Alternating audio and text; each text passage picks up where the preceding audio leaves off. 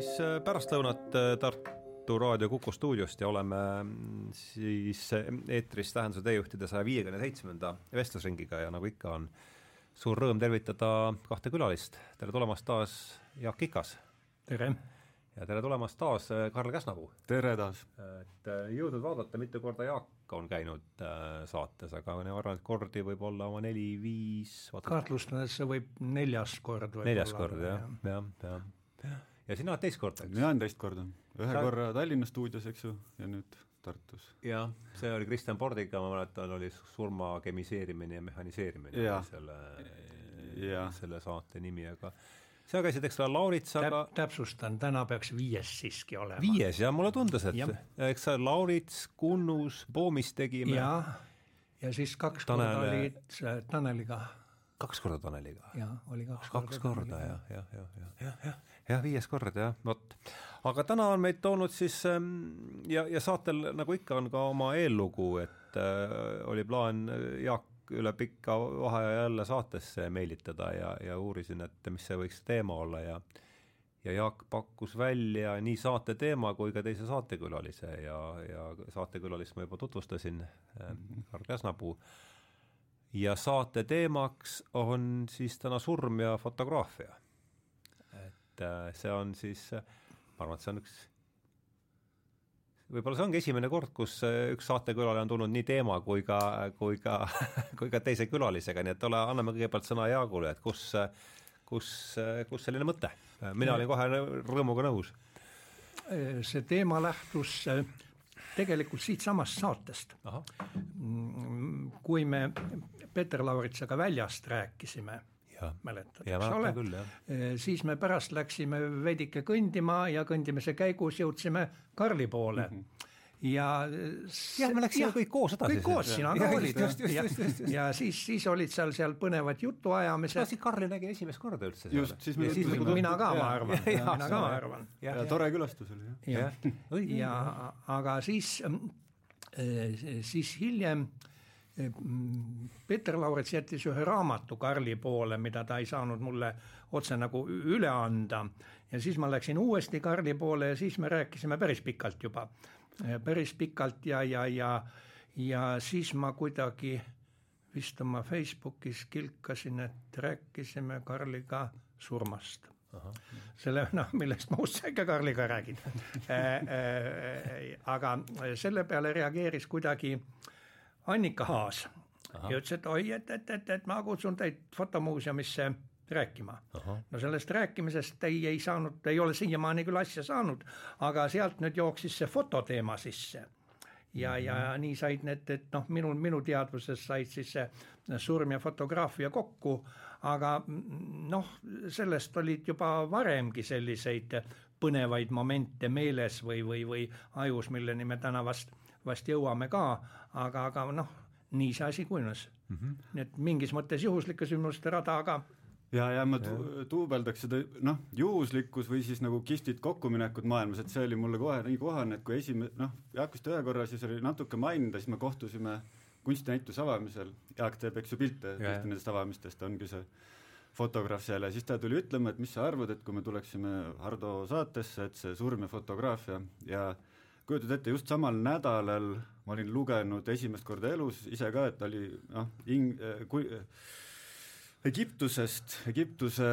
vanadest, seal on see surnute raamat, eks ju, või see valgusesse saamise raamat võib-olla õigema nimega, ja siis kogu see Egiptuse alguse arheoloogia, ma vaatasin, olin just näinud selle huvitava seose fotograafiaga, et maailma esimesed, et kes see nüüd oli, oli see Louis Daguerre, kes oli tuhande kaheksasaja kolmekümne esimesest aastast proovinud mingisuguste vase hõbetatud vaseplaatidega fotot alles. see oli esimene katse selles su suunas just? jah, jah, ta oli jah, see pioneer, eks ju, kuskil oli veel keegi ja siis ta sai selle kuidagi mingit sorti naatrium jo-, ma ei pea sinna keemiasse minema, mingisuguse ainega ta suutis selle foto alles jätta kolmekümne üheksandal aastal, et teed pildi tuhat kaheksasada kolmkümmend üheksa, jah. ja siis äh, oli suur asi seal Prantsusmaal ja juba järgmine, kohe oli samal aastal tegelikult läks äh, selline maalija ja litograaf, kes oli Egiptuses käinud neid äh, arheoloogilisi pilte ja asju täheldati ju joonistades üles, eks ju, ja see läks juba tuhat kaheksasada kolmkümmend üheksa fotosüsteemidega Egiptusesse ja üks nagu osa nende suurtest töödest oligi Egiptuse surnute raamatu ülespildistamine, eks. sest toona ei osatud ju veel neid hieroglüüfe tõlkida, see kõik märgiti üles, noh, toome Euroopa ülikoolidesse ja nüüd oli see fototehnoloogia jube kasulik, et kunstnik võib-olla teeb vigu, need on pikk sentisuurused tekstid. Ja just olin seda lugenud, et fotograafia ja surm ja siis Jaak tuli selle jutuga ja ma vaatasin, et noh, läks nagu väga hästi kokku, et jah, sellest võib rääkida ja ma pärast on üks teine teema veel, kuidas see kokku läks, et noh, tundub, et õhus oli sobilik see. Aga Egiptusesse me jõuame veel, veel tagasi sedapidi, et, et märksõna on, on, on äh, muumiad. muumiad. ja äh, Prantsuse, äh, Prantsuse filmiteoreetik ja André Bazin kuskil, kuskil olid ka eluaastad, ta suri, ta suri kaunis, kaunis noorelt, aga, aga on siiski jälje jätnud ja, ja tema arutles, arutles selle ümber või, või rajas nagu sellise raja äh, muumiatest mm, -hmm. aga ka sealt, sealt äh, siis kõrvalteena skulptuurid, joonistused, aga siiski äh, surimaskid mm -hmm. ja, ja, ja fotograafia tähendab ja nüüd need, need äh, muumiad surimaskid, fotograafiad, need moodustavad nagu sellise, kuidas tema ütles automaatsete või, või jäädvustuste rea, need on need tehnikad, mis eh, erinevalt eh, noh, maalist või joonistusest või kus selline väline, väline või, või mhm. inimese või kunstniku sekkumine on, on minimaalne, aga selle tehnika nagu, nagu mhm. jäädvustab ja noh, seda võiks siis seetõttu ka kõige objektiivsemaks või autentsemaks jäädvustamiseks pidada ja sellises reas muidugi Äh, noh, jah, on siis neid eelnevad, sest surimaske oli ju kindlasti võetud enne, enne foto leiutamist, mhm. enne foto leiutamist, aga noh, neid äh, tehnikaid, tehnikaid võrreldes äh, no mis on keerukam, mis on lihtsam minu näo pealt on ka korra mask maha võetud küll, ammu enne surma, ütleme niimoodi. ammu enne surma, see oli päris niisugune noh, tükk, tükk tegemist ja ega jah, ja no ütleme, ütleme niimoodi, et, et kadunukesel muidugi emotsioone arvatavasti ei ole selle tegevuse juures, aga aga veidi elu, elusamast peast oli küll. oo, see võtab aega siis umbes või? no see võtab ikka üks, üks, üks mõnikümmend minutit, tähendab, seal on teatud ettevalmistus äh, äh, vaseliiniga tõmmatakse su nägu üle, et, et ei, ei jääks see mass siis sinu külge mm. -hmm. aga üks asi unustati tegemata, oleks tulnud selline plastmütsikene veel pähe panna juuste kaitseks. see unustati tegemata ja noh tulemust näete, eks ole ei, see on nali, aga, aga pärast oli palju vastikut kitkumist küll, jah. arvata, jah. kas sul oli mõne suurema projekti raames või sa olid kuidagi ise privaatselt tehti seda? see oli ühele, ühe äh, ahaa, ahaa eksponaadi tarbeks.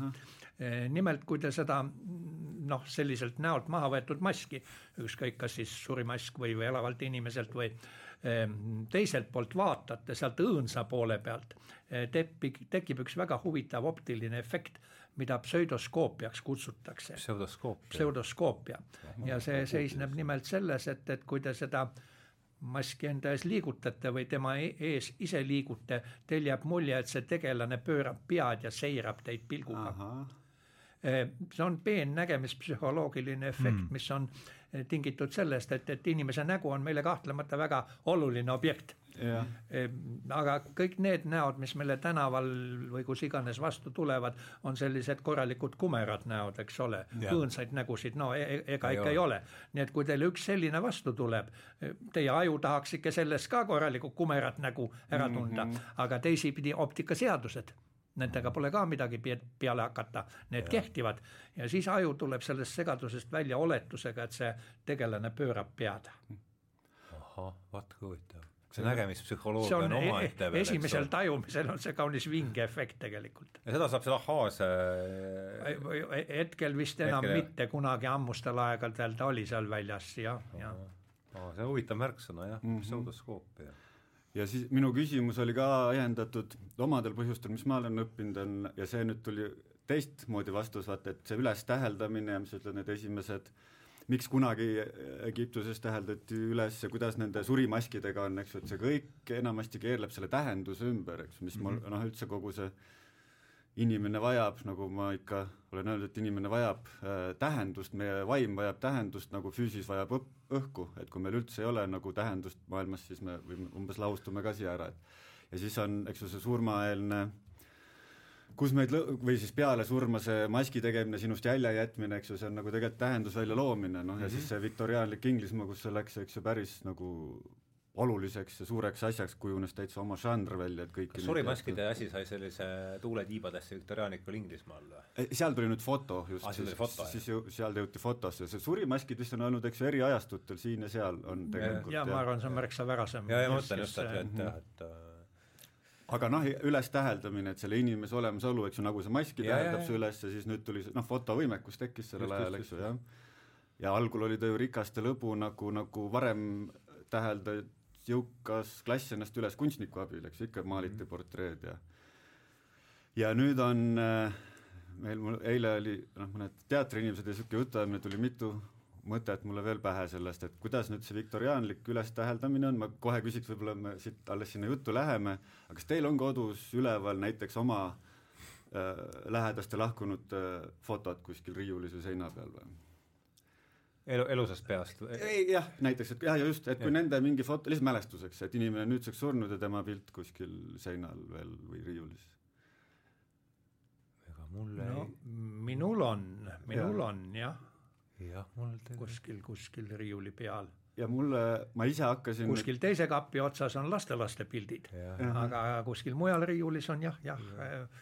vanemate põlvkondade ja mul tundub, ma lihtsalt siia panen selle välja, tegelikult peab veel alles uurima, et see komme hakkab ka meil ära kaduma, et noortel nagu ei ole, minu emal kindlasti on veel ja paljudel on, aga mulle tundub, et nüüd natuke nooremad enam nagu ei panda.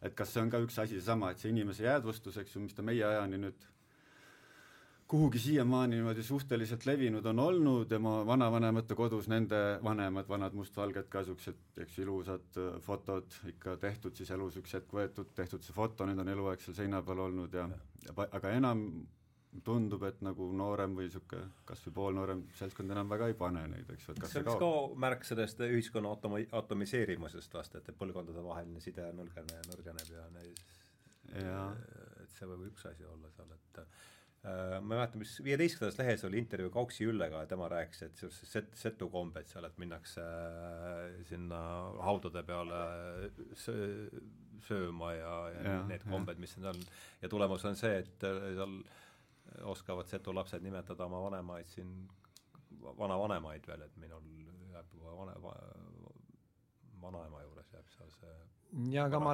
tuhlasin just, just perekonnaalbumeid ja seal on tõesti veel äh, kusagilt kolmekümnendatest on selline noh, klassikaline matuste pilt või et kadunuke on mhm. ees eh, kirstus, eh, kirst on lahti. ja, aga ja. seal taga siis seisavad kümned ja kümned inimesed, kõik see sugu, kõik see ka, sugukond, eks ole, kes on, on siis selleks puhuks kokku tulnud. jah, need pildid on mul ka meeles, jah, sellised. ja kas need, eks ju, ei olegi nende üks ja suur tähendus on see nagu pidepunkt, et need ja. inimesed tulevad kaugelt kokku, siis on kõik ära kaardistatud, kes meil on suguvõsas ja, ja minul me eile siis olid need jah, mõned teatriinimesed, kellega räägiti, siis oli erinevaid arvamusi, mõned ütlesid, et aga miks, et tänapäevast on ka neil vahel matusepilte, aga miks neid vaja, need on kuskil pakis, ei, ei tihka ära ka visata, eks ju, kuidagi sügavam asi, aga nagu ei vaata ka neid niisama. ja teised jälle arvasid, et ikkagi on seesama asi, et on see pidepunkti mõte ja, ja siis äh, ma näiteks, et Eestis, kus ma olen nüüd, kui ise kuskil käinud rääkimas, kus on lives inimestega, siis vahel proovinud neid tagasisidesid saada. Ja huvitav värk, et kui meil on kõigil telefonid tänapäeval taskus kui kaamerad, eks ju, või teeme igalt poolt pilte, sadu, kümneid tuhandeid, et siis matustel, nii palju kui ma olen kogenud ja inimesed ka kuulnud, me teeme suhteliselt vähe pilte, sellepärast seal nagu hoiame ennast tagasi, ei tea, kas tohib, ei tea, kas sobib ja, ja siis ma käisin ka paaril sellisel ettekande tegemisel Soomes ja sai, proovisin nendelt inimestelt tagasi saa-, sidet saada ja nendel on, nad kuidagi, seal naised rääkisid, et me ikka teeme alati, nagu tänapäeval ka tõmbavad jälle selle rahva kokku, eks ju, see hulk ei ole tihti nii suur. seda nagu kirjutasid nendes märkmetes ka, eks ole, mis äh, ja. ma just võtsin ette siin. ja, ja täitsa huvitavalt nad rääkisid ja mul noh, nende see hoiak selle koha pealt oli no ikka noh, võib-olla et niisama nagu ei mängi selle kaameraga igal pool, aga igal juhul tehakse ära need fotod ja nüüd ma ise mäletan ühel viimasel sugulase matusel käisin, siis ma ka tegin mõned pildid, tuli niisugune ainsana ja pärast, kui noh, ema palus need saata endale, tegelikult kõik teised tahtsid ka näha, vaata, et meil on võib-olla selle suguvõsa see tiib, kellega nüüd kõik ei saa läbi ja tal on mingi uus kaaslane, siis ikka inimesed, vanem põlvkond kindlasti tahab need üle vaadata, et ikka see tähendus on nagu suur, et et ma arvan, et et võib-olla siin Eestis, et ma ei tea, inimesed võiks julgeda neid ikka teha, kui visu on, aga -hmm. jah ma kuskilt nimekirjast vaatasin, Eestis on, no mingist profifotograafide mm -hmm. nimekirjast, et Eestis on, on kuuskümmend viis fotograafi, kes oli oma pildistamisteemaks ka matused märkinud. noh, võib veidikene arvutada, see on jabur statistika, eks ole, et, et kui teisipidi meie, meie surmade arvud, eks ole, kui nad kõik ära pildistataks, siis tuleks umbes null koma kaheksa matust fotograafi kohta päevas no,. Mhm. selline paras töö, eks ole, arvata võib muidugi, et, et ega need, ega need inimesed ainult matuseid siis ei ja, ja, pildista, aga, aga, aga, aga jah on teadaolevalt muideks on ka, ka mõned inimesed, kes on Äh, sünnitamise pildistamise enda teemaks märkima. ja see käis ka siit märkmetest läbi, eks ole? tõepoolest, tähendab ja, ja noh, võib internetist ka vastavaid fotosid leida ja no pulmafotograafe on, on muidugi kõige rohkem. see on populaarsem saanud kõige, noh, seda on ka inimese elus keskeltläbi tuleb võib-olla rohkem kui üks kord ette, nii et see on, on ka, ka mõistetav mina ise olen ainult ühte matust pildistanud, noh, lähedane sugulane paluti, eks ole, siis ma võtsin selle asja ette, sest seal on noh, omad sellised noh, oma etikett või, või, või, või kus sa ütleme, mis eristab pulmafotograafiast, on see, et, et, et pulmas sageli tehakse ju eriti eelnevalt enne neid formaalseid protseduure, tehakse mitmesuguseid lavastusi mm. -hmm. kes kuidas siis noorpaari ja fotograafi fantaasia noh, kadunukesega praegu enam lavastusi ei tehta mm. -hmm. kunagi tehti veel, kas sa räägid sellest viktoriaanlikust postmortemist veidike või? nojah, ma mm -hmm. siis kui mida see, ma arvan, paljud, eks ju, inimesed on midagi kuulnud, aga et see huvitav värk, et kuidas noh, sama asi, et suur, mina saan aru, suur osa sellest, et me täheldame selle pere üles, võib-olla algul veel seda inimest ei olnud ei üles maalitud ega pildistatud ja nüüd ta on surnud ja siis pidi tegema selle üles jäädvustama, hiljem see muutus nii kombeks, et hakati meelega seda taga ajama.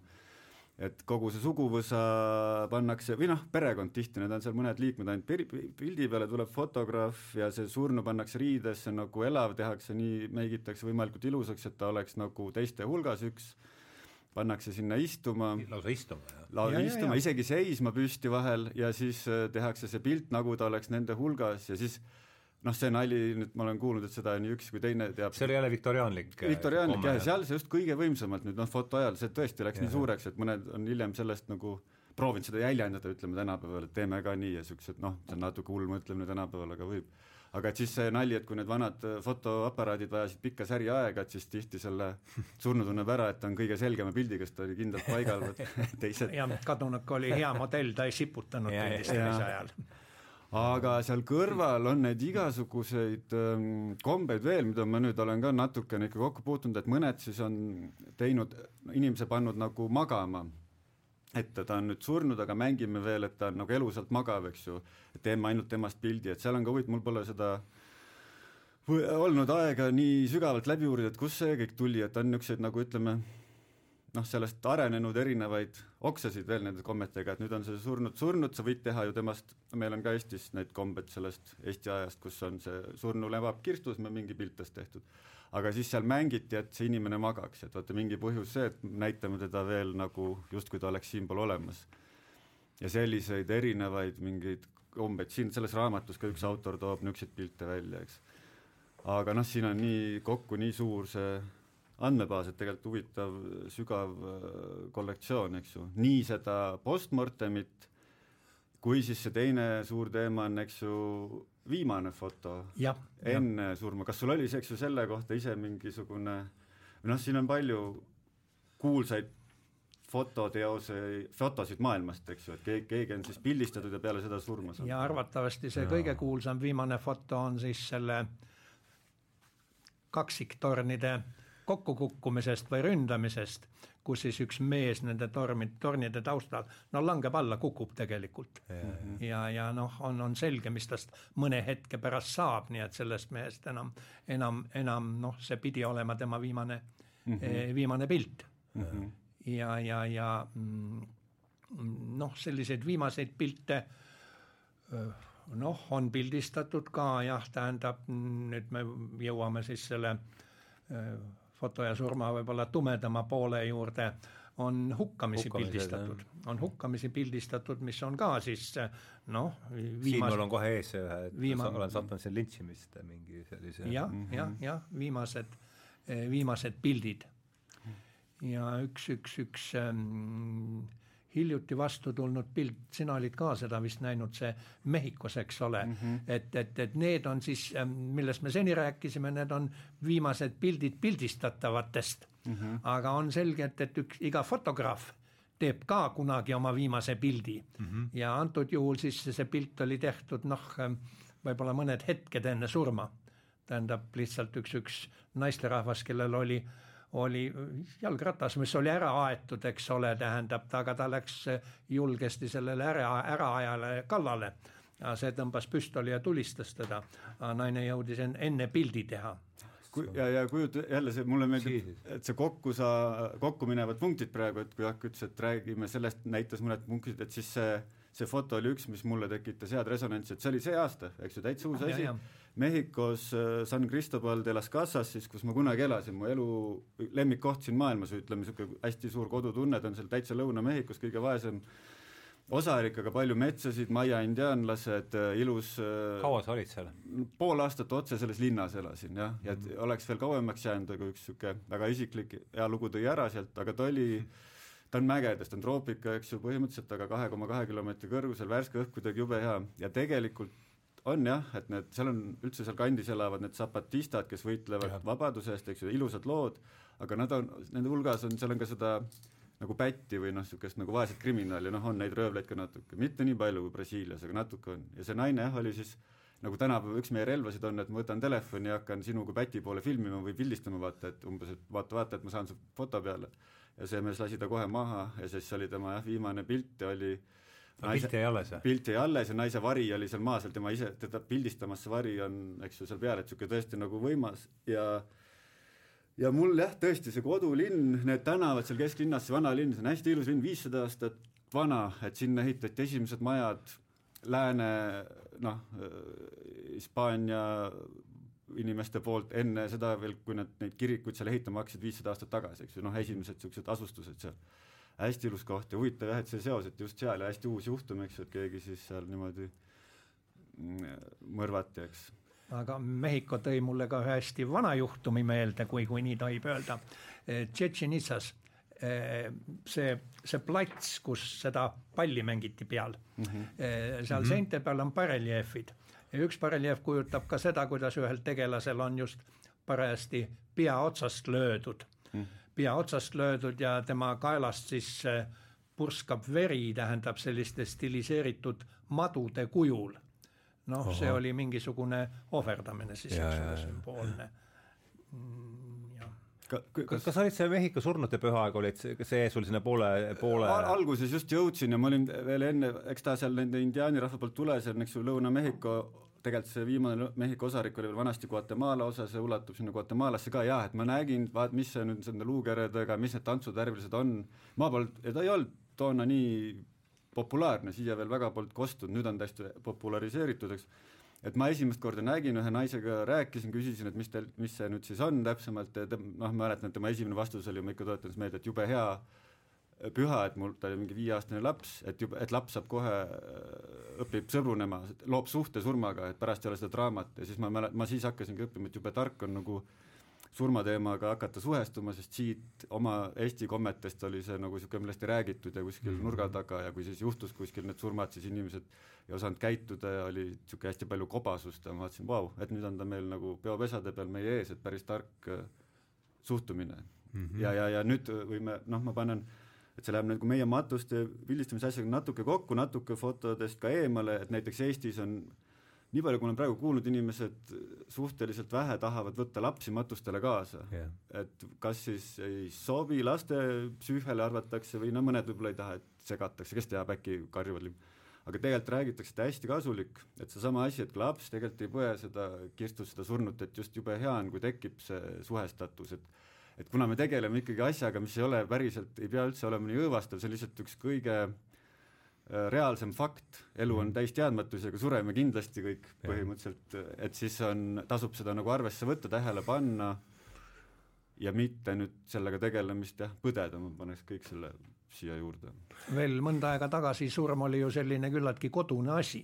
aga nüüd, nüüd oleme ta märksa enam haiglasse viinud, äh, kuhu noh, niisama lihtsalt enam noh, omastelgi ei, ei saa iga kell ligi, eks ole, ja pildistamisest rääkimata, tähendab, see on kõik nagu noh, jah, tekitanud teatud distantsi selles suhtes, mis ja, ja viimaste see... aastate arengud on siin veel vindi peale keeranud, seda mulle tundub no,, eks ja, ja.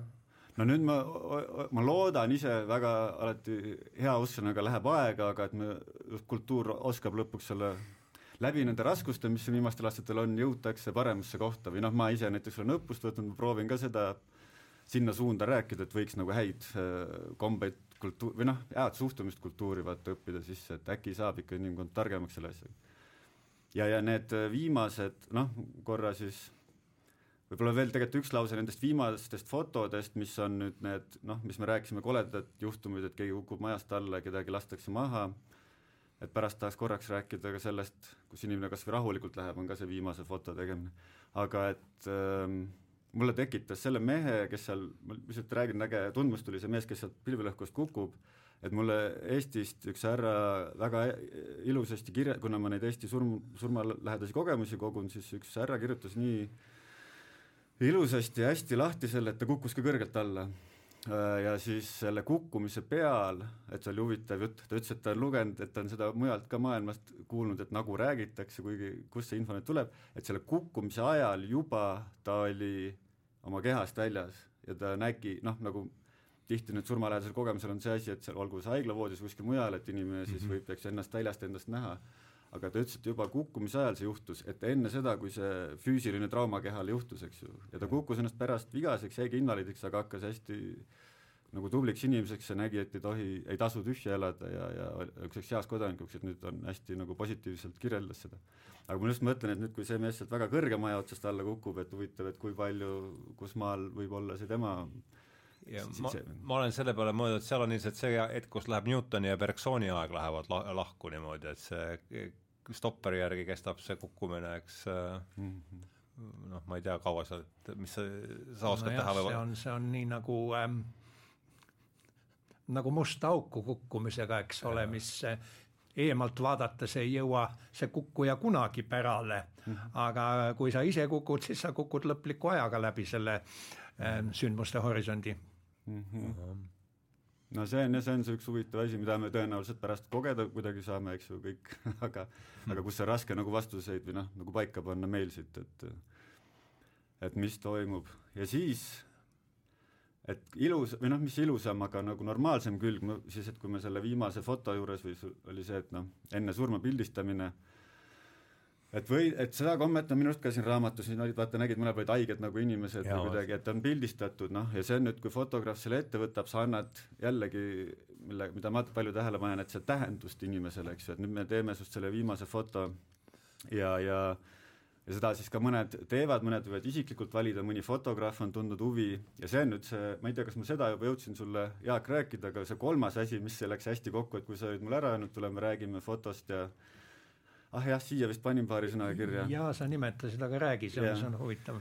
et kujuta ette niisugune lugu, et ta on mulle selle ära maininud ja siis ka samal nädalal tuleb kiri ühelt tüdrukult, kes on mm,, tahtis teha fotoprojekti ja kirjeldas, päris mulle tundus see juba kohe nii võimas kirjeldus, et vau wow,, et kuidas seda teeb, et ta, tal on nüüd huvi pildistada kolme inimest, kes on suremas või teel no, surma. selle, sellest sa kirjutasid ka seal, jah?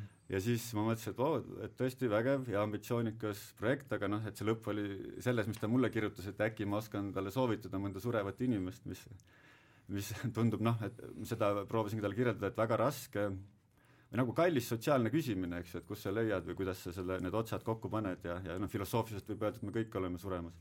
Aga tal endal oli üks hea kogemus, ta oli kellegi tuttavaga seda teinud ja ma, ta tundus, või noh, mina pean lugu, väga tore inimene, et ta vaata seda tehes see tegelikult, kui kellelgi on teada näiteks raske diagnoos või midagi sellist, et mina, mis ma selle positiivse külje sellest ise kohe näen, et see on jällegi võimalus anda tähendust inimesele, eks ju, et, et sulle nüüd keegi tuleb, paneb sind tähele, teeb sust midagi, dokumenteerib sind, et mm -hmm. sellel tüdrukul oli veel muidugi niisugune huvitav, veel huvitavam lahendus, et tema tahtis ka nüüd seda nagu ma alustasin sellest vanast fotost, et tema tahtis kasutada ka sellist fotograafi, fotografeerimistehnoloogiat, mida mina ei oska täpselt nimetada, aga kus ta teeb selle foto, mis siis hakkabki aeglaselt ära hajuma mm ilmastiku tõttu, noh, ma ei tea, kas ta võtab nüüd päevi või midagi, mis siis kunagi ajaloos oligi üks tehnika, mida kasutati, eks ju, et foto oli veel ajutine. Et siis ta teeb sellest äh, lahk-, lahkuvast inimesest pildi ja siis, aga noh, see projekt oleks ikkagi näitus ja niimoodi, et see tähendus ütleme, pääseks nagu esile ja siis see foto vaikselt hajuks ära, et tegelikult ja ta ütles, et noh, ta oskab, võib hästi nende inimestega suhelda ja kui me teame, et meil on nagu hästi palju siiski inimesi, kellel võib-olla ei ole ho-, hoolitsevaid lähedasi, on kuskil hooldekodudes, kus võib-olla kipub üksikuks see asi jääma, et keegi vahepeal tegeleb, annab tähendust, et mulle tundus selles mõttes väga positiivne see mm -hmm. mõte, aga raske lahendada, et kus sa need, mõnele võib-olla ei meeldi, et teda pildistatakse, et kuidas sa küsid, kust kaudu või, või seda on nagu raske nagu välja ajada, et selles mõttes tundub see väga vägev äh, ambitsioonikas fotograafi soov, aga just see eeltöö enne selle klõpsu vajutamist on ka suur, et mina näiteks isegi võib-olla läheks, prooviks ise minna kuhugi hooldekodusse tööle, eks ju, et siis suhelda küsida, tunda huvi, kellel, kellel oleks huvi selle vastu. Hmm.. Annika Haasil oli üks fotoprojekt, ma täpselt ei mäleta, mis ta nimetus oli, kus ta oli pildistanud eh, kiilakaid naisi. Eh, nad olid kiilakad erinevatel põhjustel, tähendab noh, kes oli lihtsalt ennast võtnud, et niimoodi, aga üks põhjus oli ka see mm, eh, kiiritus, kemo või kemo või, või kiiritusteraapia jah, ja see, see noh, jah seondub ka sinna teemasse. no nad, nad olid ise lubanud ennast mhm. pildistada loomulikult mm, -hmm. jah no.. ja ma arvan, et ma lubaks ise ka no me, vaata, sina võib-olla fotograafina tunnetad ka paremini, me oleme just niisuguse ajastu vahel, kus nüüd hakkab juba enamus inimestel olema ükskõik, et kaamera tema peale käib, eks ju. et alles mulle tundub, et enne, kui kõigil telefon oli fotokaameraks, siis nagu tuli rohkem see ärevus esi... enne seda, kui oli? enne jah, just, eks, et me polnud nii harjunud ja siis me noh, näha on kas või sugulasi sünnipäeval pildistades, nad teevad mingi kiiksuga teistsuguse näo või noh, see mõjus meile. saab äh, imelik see on muutunud nii igapäevaseks. jah, ja nüüd meil on see tavaline, aga vaata, kus see nüüd, kus ta meile muutus imelikuks, et Jaak, vaata, sul oli seal selle kohta ka märge, et või kas sul oli äh, Äh, et mis siis, kuskil nüüd olid need indiaanlased, kelle kohta vanasti räägiti, kes kartsid täiesti seda tegemist, foto tegemist, et see võtab nagu hinge välja, eks ja sellest sa kirjutasid või ja, ja, ja, ja oli see algus, et kas sul oli seal jaa, tähendab noh, see on jah huvitav. Äh, seal on, seal on üks huvitav terminoloogiline küsimus, tähendab Ehm, inglise keeles on eh, pildistamine on, on, on noh, on ka shooting. Shooting on, on laskmine, eks mm -hmm. ole, shooting on laskmine ja ka see sõna äh, inglise keeles, aga see on nüüd ka eesti keeles et öeldakse, et, et, et noh, see, see pilt võeti seal või, aga teisipidi öeldakse ka, et see inimene võeti meilt nii enneaegselt. nii et võtmine võib ka surma mhm. tähendada, ta võeti, võeti ära siit elust ja pilt aga nüüd eh, noh, see, mis see, mis see shooting'u taga eh, minu arust on, on see asi, et, et, et me eh, tegelikult, kui me vaatame, mida me pildistame või pildistatavat, vaatame läbi kaamera mm, -hmm. see on üks hoopis teistmoodi vaatamine, kui me niisama keerutame pead ja siin-seal tore, eks ole. läbi sihiku. läbi sihiku, teine vaatamine on, on samasugune vaatamine on läbi sihiku ja noh, siit see shooting, shooting siis tuleb, eks ole nojah, tegelikult samamoodi me vaatame, vaatasime varem ka, eks ole, kui sa noh, viskasid oda või kivi või, või siis sa ka nagu kujutasid ette, et kuidas ta jõuab sihtmärgile mm. -hmm. antud juhul siis, siis kuul jõuab sihtmärgile ja mis ta, mis ta seal teeb.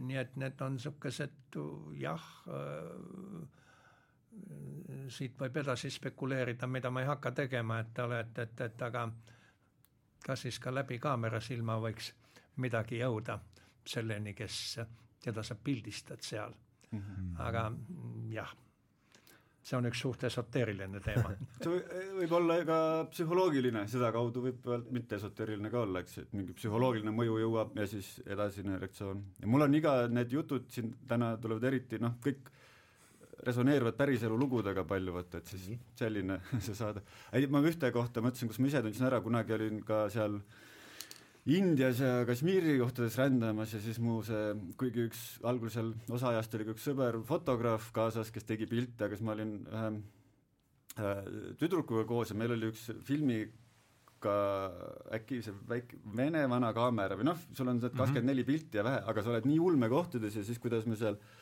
Kashmir militaartsoon seal kinni ja siis samal seal mingi järve peal ja siis seal igast imelikke asju juhtub ja siis on need Himaalad ümberringi täiesti noh, psycho maailm minu jaoks kogemata täitsa rasked olukorrad ja kuskil seal hoiti kinni ja siis ei saanud üldse sealt Kashmirist ära, sest see üks tee, mis Indiaga ühendas, varises kokku ja samal ajal seal ei tööta sul need sidetelefonid, asjad, olete mis aasta see oli? kaks tuhat seitse äkki, no üks viisteist aastat tagasi, jah ja, ja see Kashmir käib, ta aeg-ajalt käib, et vahel on tal niisugune rahulikum aasta, siis lubatakse natuke välismaalasi, siis on nagu rahutum, meie ajal ta oli nagu korra, no ühtegi teist nagu valget seal tänavatel ei näinud, et et oli äsja olnud kinni ja pärast järgmine aasta vist oli jälle kinni, seal vahel jälle mõni granaat turul plahvatab vahel, noh, mägedest õhtul kostub tulistamist ja seal need äh, Pakistan tahaks endale, India sõjavägi on sees ja kašmiirlased osad tahavad vabadust, niisugune kolm osapoolt vähemalt ja kuskilt nurgast on see Hiina ka trügitatud. aga siis seal, siis on see fotoaparaat meil, okei okay,, seal militaartsoonis igal pool ei julgegi pildistada, aga, aga teine asi, et vaimselt ise, et ma olin kuidagi enne siin just läänes või noh, Soomes mingit aja olnud hästi korraldatud ühiskonnas.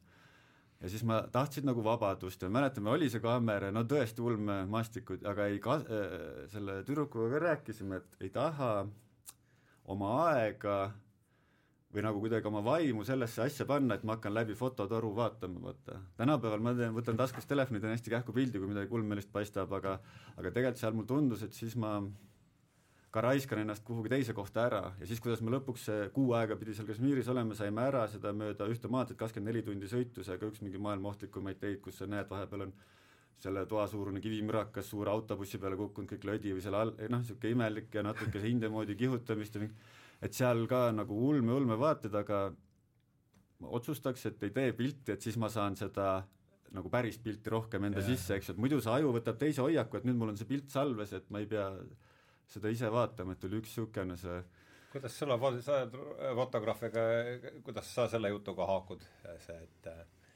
mis ta, mis Karl rääkis just et see, et see mentaalne, ütleme, pildistamine siis äh, fotole või, või mälukaardile või sellele mentaalsele kaardile, et kuidas sa no, no selle, sellega on nüüd, nüüd võib-olla selline asi, et, et, et, et minu, minu aktiivne äh, fotoelu algas kolmteist aastat tagasi.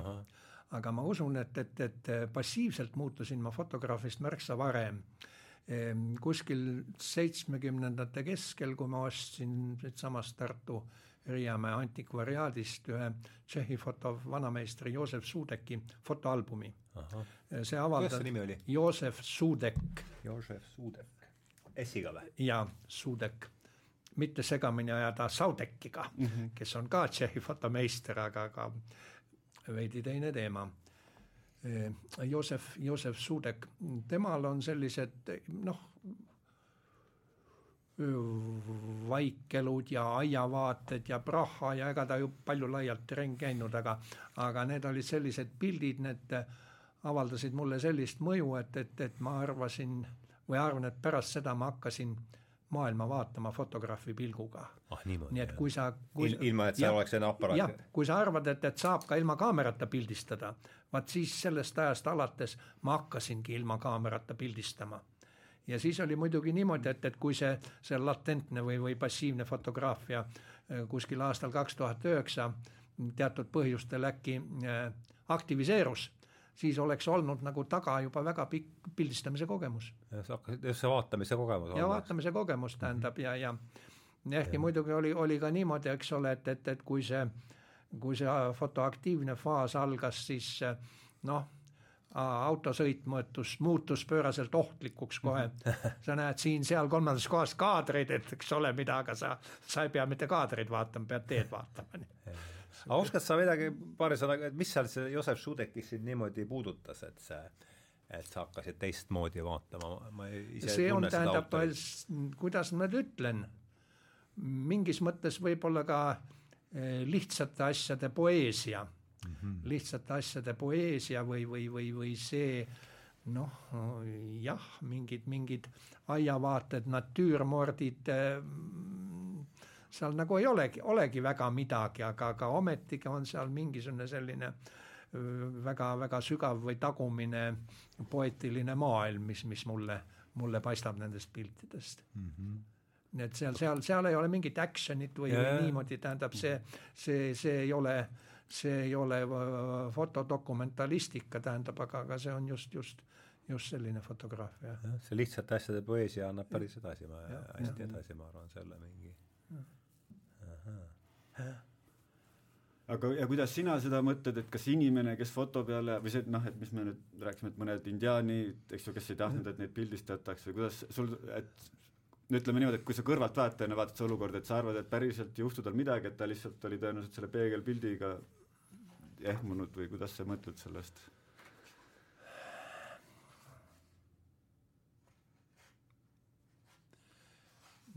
Jah, see on, see on, see on keeruline, keeruline küsimus, tähendab äh, äh, kui arvata, et, et, et, et, et, et see, et me silmaga inimest läbi kaamera niimoodi, niimoodi sihime, no need, need jutud, et, et mõned inimesed tundvad, kui neid vaadatakse. no vaat see on, see on see teema, tähendab, kust noh see on see meeleulatuvus. ja, ja, ja meele, meeleulatuvus või, või, või et kas, kas, kas meie, mis, kas ja kuidas meie füüsilisest kehast välja võib ulatuda mm. -hmm. Ja. ma jah, rääkisin vaata ka seda, vist panin ka siia kirja, et jälle huvitav kogemus jättis, jäi teadmatu lõpuga, et üks tüdruk, väga kena tüdruk oli Tallinnas kunagi, tal oli läks niisuguse vaimsemat ja vaimsemat teed pidi ja ta ei, mäletan, et mul jäi sellepärast väga hästi meelde, et toredaks sõbrannaks kujunes, aga ükskord läksin sünnipäevale lilledega, siis ta võttis, mis sa neid mulle tood, et talle nagu noh, ei meeldinud see idee, et elavaid asju niimoodi aa, see oli ka kirjas seal? ja, ja, ja siis ta ja teine sõbranna tuli talle tõesti ilusasti temast tehtud foto, ta oli väga kena inimene ja oli ilusti raamitud ja kuidagi väga hea niisugune foto ja see nagu selle peale ka noh, solvus või see talle ei meeldinud, et mis sa must seda filti teed, et tal nagu, ta oli läinud vaimselt sinnamaale, kus tema ka ei tahtnud, noh, ju ta siis kuskilt, eks ju, õppinud või tema elu kohta see lugu oli teda nii õpetanud, et nagu nendel indiaanlastel, kes komme oli, et ma ei taha, et minust pildistajat, pilte tehakse, nüüd ta oli kunagi varasema pildi siis oli sõbrannadele kinkinud, aga noh, hoidis ikka sõbrannat, et ei hakanud seal pahandama, aga viskas selle kuhugi peitu riiulisse, eks ta pärast sellest kuidagi vabanes, eks ju ei siis see jah, huvitav minu jaoks niisugune müstiliseks muutuski, et siis see tüdruk ütles, et varsti, et ta läheb, läheb ära Californiasse kuskile vaimsesse äh, keskkonda ja ta pani endal need sotsiaalmeediad asjad kinni ja siis pani ka, ütles, et ma ei tea, võib-olla varsti paneb telefoni, võib-olla paneb emaili ka. siis midagi vahepeal emailiga veel rääkisime ja siis ta läks sealt äh, Californiast äh, ka Guatemalasse, vaata mingi samades kantides, kus ma siis olin hiljem jah, hiljem olen, olin sinna läinud elama, aga siis ma ei teadnud sellest. Ja siis ta äh, ja kunagi hiljem siis nägin, aastaid hiljem siin Tartus ülikoos olles, et tuli, oli kuskil Postimehes ka lakoon-, lakooniline niisugune teade või uudis, et et Guatemalas on surnud Eesti tüdruk ja nagu asjaolusid polnud pandud, vaata, ja oli tema noh, kohta aa, tema oligi? ja, jah, mõtlen, et mis seal lõpus siis juhtuda sai, vaata. sa ei tea, ei tea, ei tea jah, ja vist ei saa ka teada või võib-olla kuskilt võib-olla saab, kui keegi teab, võib öelda. et ta tegelikult noh, ma pean hästi lugu, ta oli tegelikult oli äge inimene, et siis aga mäletan, et tema läks sedasama teed nagu siin eestlasena, et ei tahtnud enam, et eks ju pildistatakse ja kuhugi ta läks sügavamale, siis kas ma, kas ma sain õigesti aru, et sa kogud surmalähedasi Ko kogemusi, palju sul see on äh, ka ots, vähemalt otsapidi seotud tänase teemaga, et palju sul äh, ma ei mäleta, kas meil sellest Kristjan Pordiga ei, siis ei olnud, ja siis ma ei olnud, tähendab, ma olin siis juba niimoodi vaikselt kogunud, aga ütleme niimoodi, tuttavate või inimeste kaudu, mis olid ainult üürikesed ja nüüd, kui mhm. vaata mõni niisugune peameediakanal see on täiesti omaette teema veel, aga võib põgusalt puudutada. aga, aga ei, ta on huvitav ja nüüd on, ma ütlen, et umbes mingi, mul on neid kaheksakümne kanti neid lugusid peab ja siis mul on nendega töö pooleli, et kui ma üksi nüüd tegelen, siis ikkagi see on ka, võtab teatud ressurssi, vaatasin, et algul mõtlesin, et ma jõuan näiteks kaks inimest päevas intervjueerida, aga kui sa kuuled inimestele nii nende elu suurimat lugu või noh, seal on nii palju see on ikka kõigil elu muutev, elu muutev sündmus, eks ole ja noh, ma kuulen ka natuke siis lisalugusid, mis ütleme selles, mis ta nüüd teadlased uurivad seda surmalähedase kogemusena, et siis inimesed räägivad ka sealt noh, ümbert nende enda kogemusest väga palju huvitavaid lugusid, aga et nad on nii võimsad ka, et ega nendega ei ole lihtne kogu aeg kiirustada, kui muud eluteed on ka, et siis ja. ma, nendega töö käib edasi, aga on huvitav, on inspireeriv ja kui läheb raskeks ja kõike on üle võlli teha, siis kui ma ikkagi selle ühe inimese lugu kuulata, pagan, mõjub endale ka inspireerivalt, seda ja. ma ütlen ja väga õpetlikult, ma teen sealt omi tähelepanekuid ja tuleb äh, mingi väljaanne ka selle kohta, eks läheb aega, et mhm. ühesõnaga mm -hmm. töö käib nendega. paraku paljud kogemused võetakse kaasa ja me ei ja. kuule nendest no just, jah, jah. jah, me kuuleme ainult surmalähedastest kogemustest.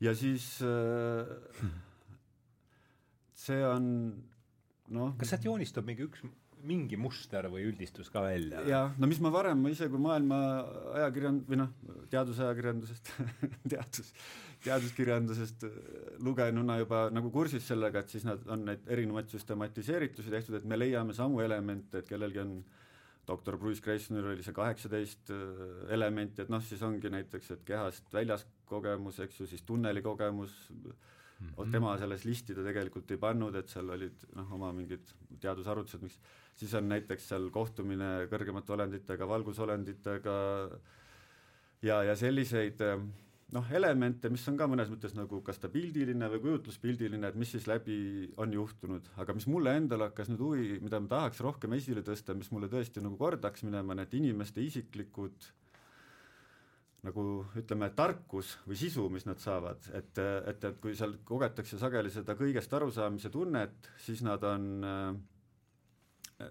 võivad siis kirjeldada, et mulle meeldis, et kui mitu eestlast äh, kirjeldas selle ikkagi samal ajal umbes olid need kirjad, et et üks arusaamine tuli, et ei tasu tühja elada, et kui inimene niisama siin ukerdab midagi nagu ei tee eluga, et see tuli ka nagu noh, halb tunne, et peaks nagu midagi, et see elu on meile antud, eks ju, mingisugune noh, spets asi, eks ju, spets aeg ja tihti noh, teised kirjeldasid, et seal, kui oled selle üle ääre, et siis on see jube hea tunne, ei taha tagasi tulla, ka laste emad-vali taha, aga tegelikult äh, mõni, üks kirjeldas hästi, et noh, seda nagu koormat ei olnud õlgadel. Vaata, et meil on siin kogu aeg koorem, ei, ei halvas ega heas mõttes, aga noh, päriselt kas või, et kui pead bussil jõudma või pead siin ikkagi riided selga panema või noh, me peame midagi siin, seal seda enam üldse ei ole, eks ju, et sa ei pea mm. midagigi.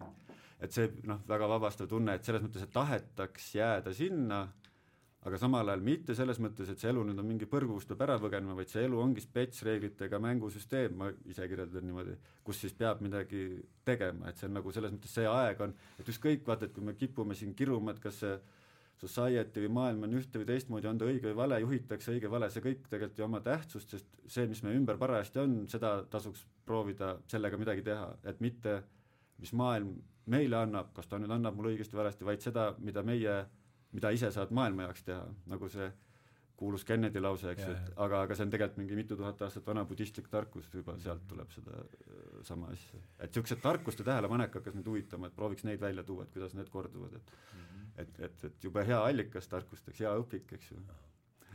ma vaatan seda, mis te seal ette saatsite mulle, seda teemade nimistut, et siin on, sellest me juba rääkisime, kuidas te teemasse jõudsite, et surm kui bioloogiline nähtus, et et surma definitsioon ja nojah no,, sur, sur, surm on ju bioloogiline nähtus, eks ole, ja seetõttu palju vanem kui meie või vanem kui ja. inimkond, eks ole, ta on siin vähemasti noh ähm, võib-olla seal päris pisikeste puhul on surmast, no nad võivad ka hukkuda, eks ole, aga kui nad pidevalt poolduda võivad mingid bakterid, noh siis nagu indiviidi surmast on, on, on keeruline rääkida mm, -hmm. aga vähemasti kuskil pool miljardit aastat juba eh, hulkraksete organismide puhul, noh, see on küllaltki selline definiitne sündmus mis ajaliselt võib-olla ei ole siiski ühe kindla hetkega määratud, noh, siin on ka inimeste puhul on, on ju siin -hmm. kõik need äh, sellest me rääkisime aju, aju, ajusurma kriteeriumid ja kõik ja. need asjad, eks ja, ole, mis on, on, on, on, on, on noh, jah no ütleme, et meil on, eks ju, juriidilises mõttes tähtis, kuhugi see punkt panna, aga tegelikult ei ole see kunagi kindel, eks ju, kuskilt ja, ja. isegi noh, kui on ajusurmast võib-olla mingi imekombel keegi ikkagi tuli tagasi. jah, et see piir on ka hajus, eks mm. -hmm. ja see on põhiline, et ja miks minu arust see on tähtis värk, et see hajus on äh, see asi, miks meie inimesed peame võtma mingisuguse seisukoha, et vaata, et vahel noh, näiteks, et religioossest äh, sfäärist tuleb seda asja, et inimesel ei ole üldse õigust siin neid asju otsustada, eks ju, noh, olgu see eutanaasia üks osad, kas võib ennast tappa või mitte, ei või, elu on püha, aga nüüd on äh, jabur olukord on see, et see on nii hajus, see surma ja elu piir, et täpselt juriidilises või elukorralduslikus mõttes ja. me peame midagi otsustama, lõpuks on ikka kuskil see arst ja kuskil see mingid nagu muud põhjused ja mida edasi tulevik läheb, meditsiinitehnika paremaks, seda rohkem me peame ise, me peame midagi otsustama, eks ju, kelle me kuulutame surnuks, sest muidu me võime veresoontest verd edasi lasta ka plastmasspumbaga, eks ju, võib-olla hoida seda keha sada aastat niimoodi pumpamas, aga kas seda tasub või noh, meil ei ole rahagi nii palju kas sa, Hardo, mittekommertsiaalset reklaami lubad teha? absoluutselt. Et ähm, selline ettevõtmine või üritus, mis on juba noh, õige mõnda aega kestnud, äh, Kääriku Metsaülikool, äh, tulemas ka sellel aastal augustikuu mingid kuupäevad, mul ei mm -hmm. ole nad hetkel peas, nad hõlpsalt leitavad, aga teemaks on õnnelik lõpp. ahah, ära ütle, vaata, mis sellel aastal jah mm, -hmm. kus siis, siis äh, alguses vist Toivo Maimets peaks andma meile sellise fundamentaalse sissejuhatuse või ülevaate, et, et, et mida see, mida see lõpp või, või vananemine ja, ja finaalis siis surm endast kujutavad, aga, aga noh, teemale nagu ikka lähenetakse erinevate kantide pealt mm. -hmm jah, vot mul on üks asi, mis mul jäi sellest saatest Kristjan Fordiga meelde, oli see, et et kusagil viiekümnendatel, kuuekümnendatel aastatel äh, kaotati USA-s äh, surma põhjusena ära see, et su-, et äh, surra võib ka vanadusse, et siis pidi alati mm -hmm, olema mingi mm -hmm. surm muutus mingi selliseks insener-tehniliseks äh, probleemiks olude sunnil, eks ju, ja tegelikult ju alles mis see olude, tuletas seda meelde palun. mõtlen, kas see oli nüüd viiekümnendate alates, aga tegelikult kusagil sealkandis oli. et enne seda, juba aastakümneid enne oli nüüd see elektriga südame taas käima panemine mm, -hmm. elustamine tulnud ja tegelikult see seitsmekümnendate alguseks jõudis tavakasutuseks haiglatesse, see muutis nii palju, eks ju, et meil on Aha, selline süda, varem oli seis, seisev süda, süda oli nagu enam-vähem kindlalt kõik Aha, ja nüüd me hakkasime peaaegu kõike saame uuesti elustada, jah. samas elektritool surmapõhjusena on vist äh, peaaegu et kadumas aga seal saab Aha. seda öelda, eks ju, kindlalt, aga jah, see taaselustamine muutus nii palju osavamaks inimkonnas, et see hakkaski neid küsimusi noh, tekitama. see oli see probleem, jah. aga siis, oota jah, ma tahtsin, mõtlen siin, kas liiga hüple läks, aga fotost ja surmast, eks ju, siis ma mõtlen, meil oli see enne surmafoto, pärast surmafoto, siis minu arust see tähendus oli ja siis on seal need nii hirmud kui rõõmud, siis mul tegelikult tuli meelde, siin on ka see raamat lahti nende surimaskidega, et et vaata, kus huvitav asi, näitlejad rääkisid, et neil on vaat see tähendusväli, mis on, eks ju, mingis kultuuris tekkinud, et siis kui näitlejad näiteks peavad sageli mängima surevat inimest või mhm. surnut või mingid sellised asjad, et see ei pidanud nagu kunagi neis kõhklusi tekitama, aga niisugune huvitav komme, et ma tahtsingi seda sulle, Jaak, öelda, et kui on sa oled seal näidendis, mängid surnut ja sinu matuseid mängitakse, siis on seal kirstu otsa näiteks pannakse lahkunu pilt, eks ju, mingitel matustel. et siis näitlejad, kui nad päriselt on elus veel, ei taha seda, et nende enda pilt sinna pannakse, et see tekitab niisuguse kõheda või ohtliku tunde, et sa nagu mängid surmale, et sa oled surnud, et sa et äkki siis see nagu kutsubki seda kaasa, vaata, et või noh, et et siis nad panevad kas mingist ajakirjast või noh, mingi võõra pildi või et, et, et sellega pidi olema raske tegeleda ja mitmed rääkisid seda kaasa, et ja mis, mis mulle surma lavastamise koha pealt äh, pähe tuli, no me rääkisime tegelikult, et see Äh, postmortem mm -hmm. viktoriaanlikus ajas, see on nagu vastupidine asi, tähendab surnud lavastatakse elavateks mm. -hmm. aga, aga nüüd, nüüd vastupidine asi tähendab mul Eesti fotokunstist tuleb üks monumentaalne projekt ja see on Peeter Lauritsa, Ain Mäeotsa Mullatoidu restoran mm. -hmm. kas sa kirjeldaks, mida, kuidas need olid? lähevad ja. jah. tähendab, need on, on siis äh, noh, see on uh, ma arvan, et umbes mõnikümmend sellist eh, noh, suuremformaalset fotot, eh, kus siis eh, noh, põhimõtteliselt elavad inimesed, keegi neist ei ole surnud, eks mm -hmm. ole, aga on kujutatud just nagu, just nagu surnutena, ka edasi osaliselt võib-olla seal mingisuguse mulla alla mattununa või, või kusagil poole kehaga vees või mingisugust sellist kaunist millal see võis olla umbes? Ma ütlen sulle kohe, tähendab, see on kaks tuhat kolm, kaks tuhat kolm.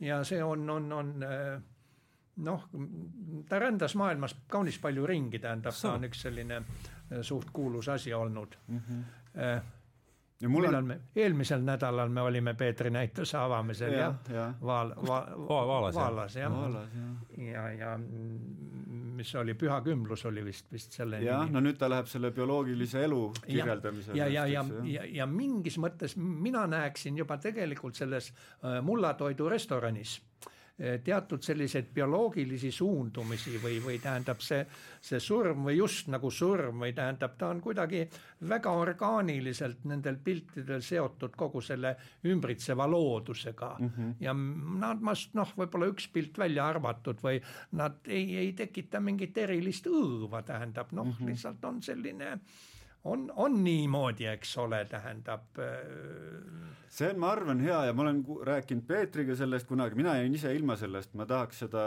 näha, neid töid, sest et siis ma veel Nad on internetis leitavad kusagil vähemasti. peab leida, Peetriga mäletan mingi, ei mäleta sisu, aga jutust mäletan, et tuli kohe isu näha ja sina oled ka maininud jah, ja aga, ja see, mis sa praegu kirjeldasid, et ma olen, mulle selline lähenemine just meeldib ja ma, kuna ma ise muidugi võib-olla, eks ju, tavalise inimese kohta liiga palju kõik igast nurkadest vaadanud, kuidas või noh, mida, kuidas me surma käsitleme, mis, mis, kuidas ta siin kultuuris meil esineb ja liiga palju lugenud sellest, siis ma olen ja võib-olla ka siis õige nõksu ise kallutanud, sinna poole ma hästi suure rahu teinud, et kõik sellised, iga, kogu elav ju toitub teise elava surmast, eks ju, on need taimed või loomad ja sellepärast mul ka ei tulnud äh, probleemi näiteks, et meil on vahel, et lihasööjad või taimetesööjad ja siis räägitakse, et ega kuidas neid loomi tappa, aga minu noh, taimed on samamoodi, eks ju, elav. Ja aga kõik orgaaniline aine vajab teist orgaanilist ainet, et iga surm on tegelikult elu, eks, et ta on nagu ei saa, ei saa isegi öelda, et ainult nagu liigi jätkumise mõttes, aga üldse kogu see, et see elav, mida me teame eluna, et see toimiks,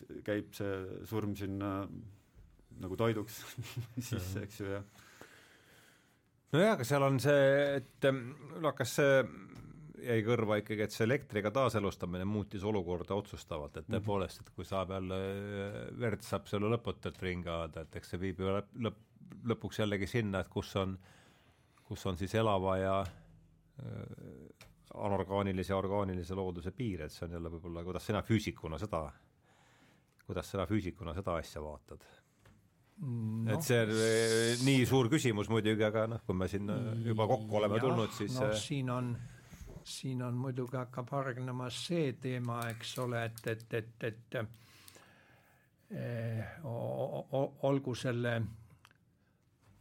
bioloogilise või, või, või aminohapetest või, või koosneva kehaga eh,, kuidas on, eks ole, et, et aga kas me oma sellist eh, noh, vaimset või mentaalset tegevust, et, et kas meil õnnestub äkki kuidagi Renisse üle kanda.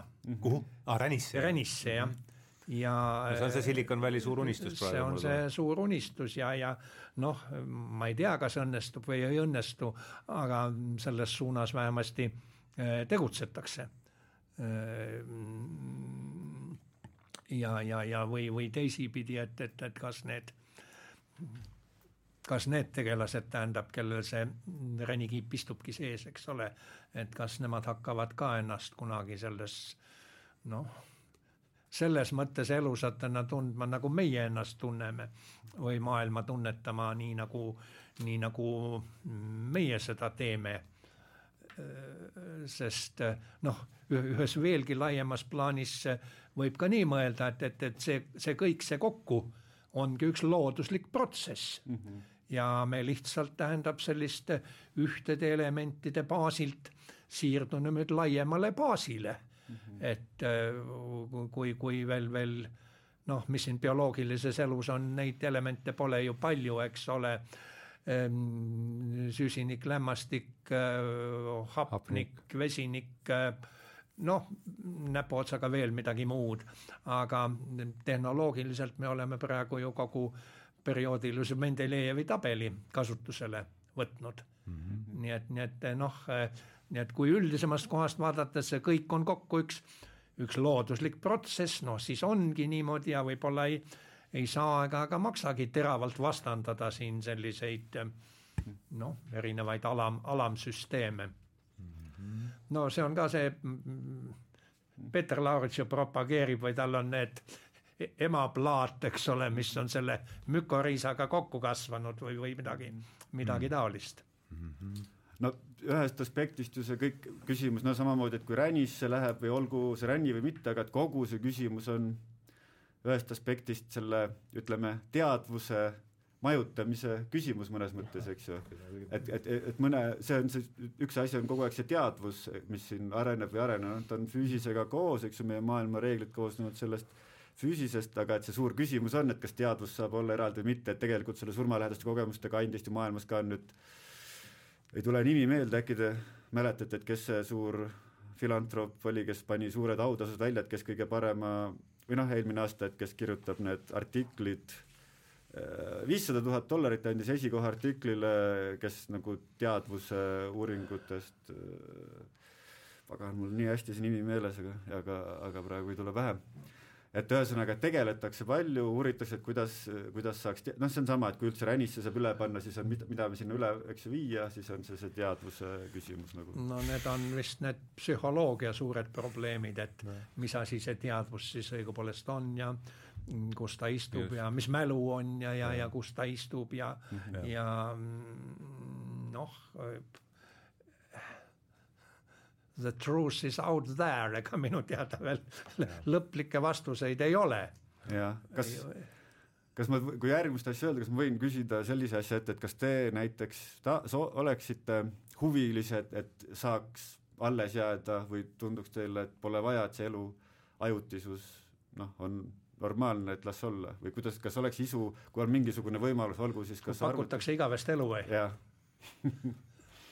mm kumb tahab meist alustada mind, ma, ma, ma ei vasta otseselt sellele küsimusele mm, -hmm. aga aga mis minu jaoks üldse avas täiesti uue perspektiivi, ma korra, kordagi niimoodi ei mõelnud, seesama äh, Sheldrake'i loeng, mida ma kuulasin kaks tuhat kaheksateist kevadel. tead, mingi tunniajane loeng lääne filosoofiast ja tead siit ja sealt ja ja siis lõpeb loeng ära ja üks proua küsib teid niimoodi täiesti tühjalt kohalt, et, et see oli kõik väga huvitav, aga kas te ütleksite meile, mis juhtub siis meiega siis, kui me sureme mm? -hmm. ja siis nad, ja vastus oli, see vastus mind rabas sel hetkel täiesti, et noh, et muidugi, et ma ei tea, eks, aga see, mida ma välja pakun, on, on täielik, on see lihtsalt, mis ma arvan, aga et ma arvan, et kui me sureme, et siis me näeme unenägusid edasi, aga me kaotame võime üles ärgata ja see on mm., ma ei kordagi äh,, ma ei olnud kordagi midagi absoluutselt niimoodi mõelnud ja ma nii, ja noh, ma ju ka ei tea, mis juhtuma hakkab mm, -hmm. aga see tundub ja noh, omades siin nüüd, olles ammutanud siin kogemusi siit ja sealt äh, eelkõige psühhedeelikumide vallast, et siis ma, ma usun, et see jah, see võib-olla baasstsenaarium on isegi sinna nihkunud, et see mm -hmm. unenägu, unenägu jätkub, aga, päris huvitav. aga jah, jah, et see sõnastus kuidagi töötas minu puhul väga hästi. nii, kui, kui mina vastaksin, ma ei oska öelda, kas ma oleksin huvitatud igavesest elust kui, kui sellisest. kui aga siin te... selle ja, Tartu linnas. teis, teisipidi, teisipidi, teisipidi on siiski õige mitmeid selliseid põnevaid küsimusi, millel mul oleks nii hea meel, et kui kui saaks vastuseid teada, kui saaks vastuseid teada, no võiks ikka teada, mis asi see, mis asi see äh, tume aine on näiteks äh, seda tahaks ka näha, kuidas Putin peksa saab Prakt-, puhtpraktiliselt. jah, jah, jah. või, või, või, või noh, ka need, need äh, psühholoogia suured, äh, suured küsimused nii et äh, lihtsalt põnev oleks näha, kuidas need asjad edasi kulgevad. jah, see on aus jah, või väga hea see ka tähele. jah, noh, ega paljud ei küsiks, no küsiks sada aastat näiteks. Et, et aga ikkagi siis siin selles ja ikka siin, ikka siin jah. ja., tähendab noh, vaat, vaat seal kusagil mujal. Seal me ei tea üldse, mis küsimus seal me üldse ei tea, tähendab ähm, jah. No see on see Hamleti küsimus, et ei, me ei tea, mis unenäod meist seal, mis meil seal tulla võivad, jah. ja noh, mis lugu meid on maailmas, on ajaloost igasuguseid võimsaid lugusid näha, mis on siis ajendanud käituma, ma panin seda tähele, et hästi suur, noh, kõige suuremad bo-, bossid maailmas, nad võivad olla äh, jõhkrad bossid, et, et nendel millegipärast tekib isu siin jääda alles, noh see esimene no, Hiina keiser Qin, eks ju, et ta nägi ju terve elu vaeva, kõiksugu nõidest, kõik ajas kokku üle riigi, et kes talle selle ega eh, igavese elu annaks, eks ju, siis jõi seda elavhõbedat ja sai surma, sest see oli just paradoksaalselt, eks ju, läks sassi ja noh, neid on veel, eks, ja siis ma näiteks, et tänapäeval ütle mulle veel selle keisri nimi palun. Qin, äh, esimene, see kogu Hiina ühendanud keiser Aha, äh, ja QIN vist kirjutatakse ühes versioonis, eks ju, jah. ja te, tegelikult see on hästi äge, seal on ka need naljalood, kuidas tal see, kuidas seal üks äh, üks, kes väitis, et on see nõid, et kes võib talle selle, tuua selle rohu ühelt saarelt, et siis, aga ta peab, et seal saarel on mingid koletised, kes kaitsevad seda igavese elu rohtu, et see keiser peaks talle andma kaasa noh, sõjaarmada laevadega ja siis, et siis ma saan noh, need koletised selle ära meelitada, siis keiser läks oma sinna pealinna tagasi ja see mees jäi seal oma selle armaadaga ise mingit oma asja ajama ja keiser läheb närvi, et mees ei toonudki mulle rohtu, läheb tagasi ja ja see nõid või valetaja jälle ütleb, et kuule, et sorry, et ma ei saanud sellega hakkama, et sa pead mulle andma veel nagu veel laevu? jah, veel, aga tuhat viissada neitsit ka, mehi ja naisi, et et siis ma, seal on vaja neid ka, et siis ma saan sulle äh, tuua see selle ja siis pani kogu selle ostab Benderi ürituse ja ja, jah, ja kõik kogu selle kambaga pani minema ja noh, mingi niisugune legendi tasemel, et võib-olla see ongi see rahvas, kes Jaapani asutas ja noh, mõned ei ole selle legendiga nõus, aga igatahes, et noh, väga kavalalt rääkis, et see aga noh, mis see võib-olla praeguses olukorras jutt läheb, et see keiser tahtis seda surematust nii väga, et vaata, ta oli nõus nii palju maksma selle eest, nii palju andma, ja, ja, ja neid on palju. Ja nüüd on meil maailmas näiteks, eks ju, nii see Google, nii see ma ei tea, kas Apple'is on ka osakond, ka nüüd ei ole need nimed kohe meeles, aga neil on niisugused noh, miljardeid investeeritud ja mingid need eesseisjad juba, need ka jõukad mehed, kes on need suured firmad ära teinud, kes nagu töötavad, investeerivad sinna, et saaks saavutada seda surematust, eks ju, tänapäeval on ka need huvid niisugustel suurinimestel. näiteks te olete lugenud John Gray Immortalization Commission, seal on ju terve, kuidas Leninit üritati seal niimoodi konserveerida, et ta ah, ikkagi saaks äh, oma asja lõpule vedada, kui elekter on nii kaugele arenenud, et mm. Aga mis see, sina kindlasti tead seda tausta, see Egiptuse mumifitseerimiste noh, põhjus või eesmärk või, või milleks seda tehti? no seal, vot, vot nüüd on jällegi ja. siis, nendel oli nüüd meie jutuga ka siin viimastega läheb kokku natuke sinu selle unenäolisuse ja, ja sellega, et seal ju tegelikult see inimene jäi alles, inimese hing jääb alles, võib-olla algul enne seda, kui veel kirjakeel oli, kuskilt lugesin, no ma ei tea, kui kindlad need jutud olid, et oli ta noh, kõrgklass sai alles jääda teispoolses, eks ju, seal on oma maailm ja siis äh, panedki talle kõik tööriistad kaasa, mida tal seal vaja võib olla veel, eelajaloolisemates hauapanustest on ka näha, noh arvati, et see inimene tegutseb seal teisel pool edasi, siis pandi hästi lähedale need igasugused vajalikud asjad kaasa, et noh, ta, see liikumatus, et inimene ei saa enam liikuda, oli nagu tähtis tähelepanek, et siis tal oleks need võtta kõik, mis vaja. ja siis äh,, aga see Egiptuses, jube kihvt, eks ju, et need esimesed, kui nüüd hakati esimesi neid glüüfe sinna raiduma äh, püramiididesse, et enne seda oli tõenäoliselt traditsioon veel pikalt olnud, aga me selle kohta ei saa lugeda, eks ju, siis nüüd tulevad need surnute raamatute fragmendid sinna või joonistatud, vahel löödud nende hauakambritesse ja ja siis sellest ajast kuni näiteks aastani kuussada enne meie aega, mille kohta nüüd paar aastat tagasi vaata tehti kihvtid need ütleme siis avastused või siis nagu teaduslikult leiti kindlasti, et see oli nii, et nüüd on need hauakambrid, mis maa alla lähevad, siis et seal varem, kui need, käidi neid kallimaid asju sealt sügavalt maa alt otsimas, siis aeti mingid ülemised kambrid täis asju. Ja nüüd see kaevati lahti, tänapäeva arheoloogia läheb nagu täpsemaks, ei ole ainult seda kulda vaja leida, et siis leiti need mumifitseerimisruumid, eks ju, seal olid tohutult nende äh, peale kirjutatud sõnadega veel kõik nende see keemiakogused, mis seal kasutati millegi jaoks ja et ühesõnaga, et matuse see mumifitseerimisbusiness oli tohutu suur business, et seal Egiptuses siis oli kuussada aastat enne meie aega, eks ju, et sellest, selle ajani, kui need esimesed glüfid seal Egiptuses kuhugi raiuti, on suurem vahemaa kui sealt praegu siiani, eks ju, et nemad ka võtsid seda mingit vana tarkust või kommet ja kasutasid siis kuskil ära. Ja siin oli siis see miinus kuussada aastal oli tekkinud täitsa oma niisugune preestrite klass, kihistus, kes siis teenisid selle pealt, nagu tänapäeva matsu korraldada ka palju osavamad teenijad ja siis mida sügavamale maa sisse sa said, seda kallim, eks ju, mida kuidas sind balsameeriti, kallimad, odavamad versioonid, noh, selle kuldlehest mask väga kallis, eks ju, aga nad olid veel nii kavalad, et kui sa olid kogu selle, sinu perekond oli kogu selle mumifitseerimise, matmise ja see kõik oli siis tähtis sellepärast, et teispoolsusest saaks hakkama, eks ju. et kui sa olid kõik selle kinni maksnud ja ära teinud, siis sa pidid veel edasi maksma, sest nüüd see preester hakkas ka selle eest seisma, ta ütles, et ma pean seisma selle eest, et teispoolsusest tal ikka kõik korras oleks, et ma umbes nagu, et nad müüsid maha tegelikult selle idee, et meie kaitseme inimest teispoolsuses, et sa isegi peale seda kogu matuseprotsessi pidi see perekond kas iga nädal iga kuu neile midagi maksma. no ja, ja kõik see narratiiv ilmselt haakus kogu nendesse elu, elukorraldusse, et see oli kõik, kõik, kõik kuidagi, kõik kuidagi, eks ole, omavahel seotud. aga noh, et miks selline värvikas näide välja tuua, mis mina nüüd panen tähele, et just, et kui nii palju erinevaid lugusid lugeda, minu arust see on hästi tähtis, et vaata, et mõni lugu vahepeal ajaloo hetkel jääb meid kõnetama, me arvame, et asjad on nii ja näiteks noh, kas siis business või kogu ühiskond selle järgi käitub, et see on tegelikult äh, et lood võivad olla erisugused, mis see päris on? hauapanuste juures tuleks äh, võib-olla fototeemale lähemale mm, -hmm. et äh, pildid kadunukestest või fotod surnuaedadele.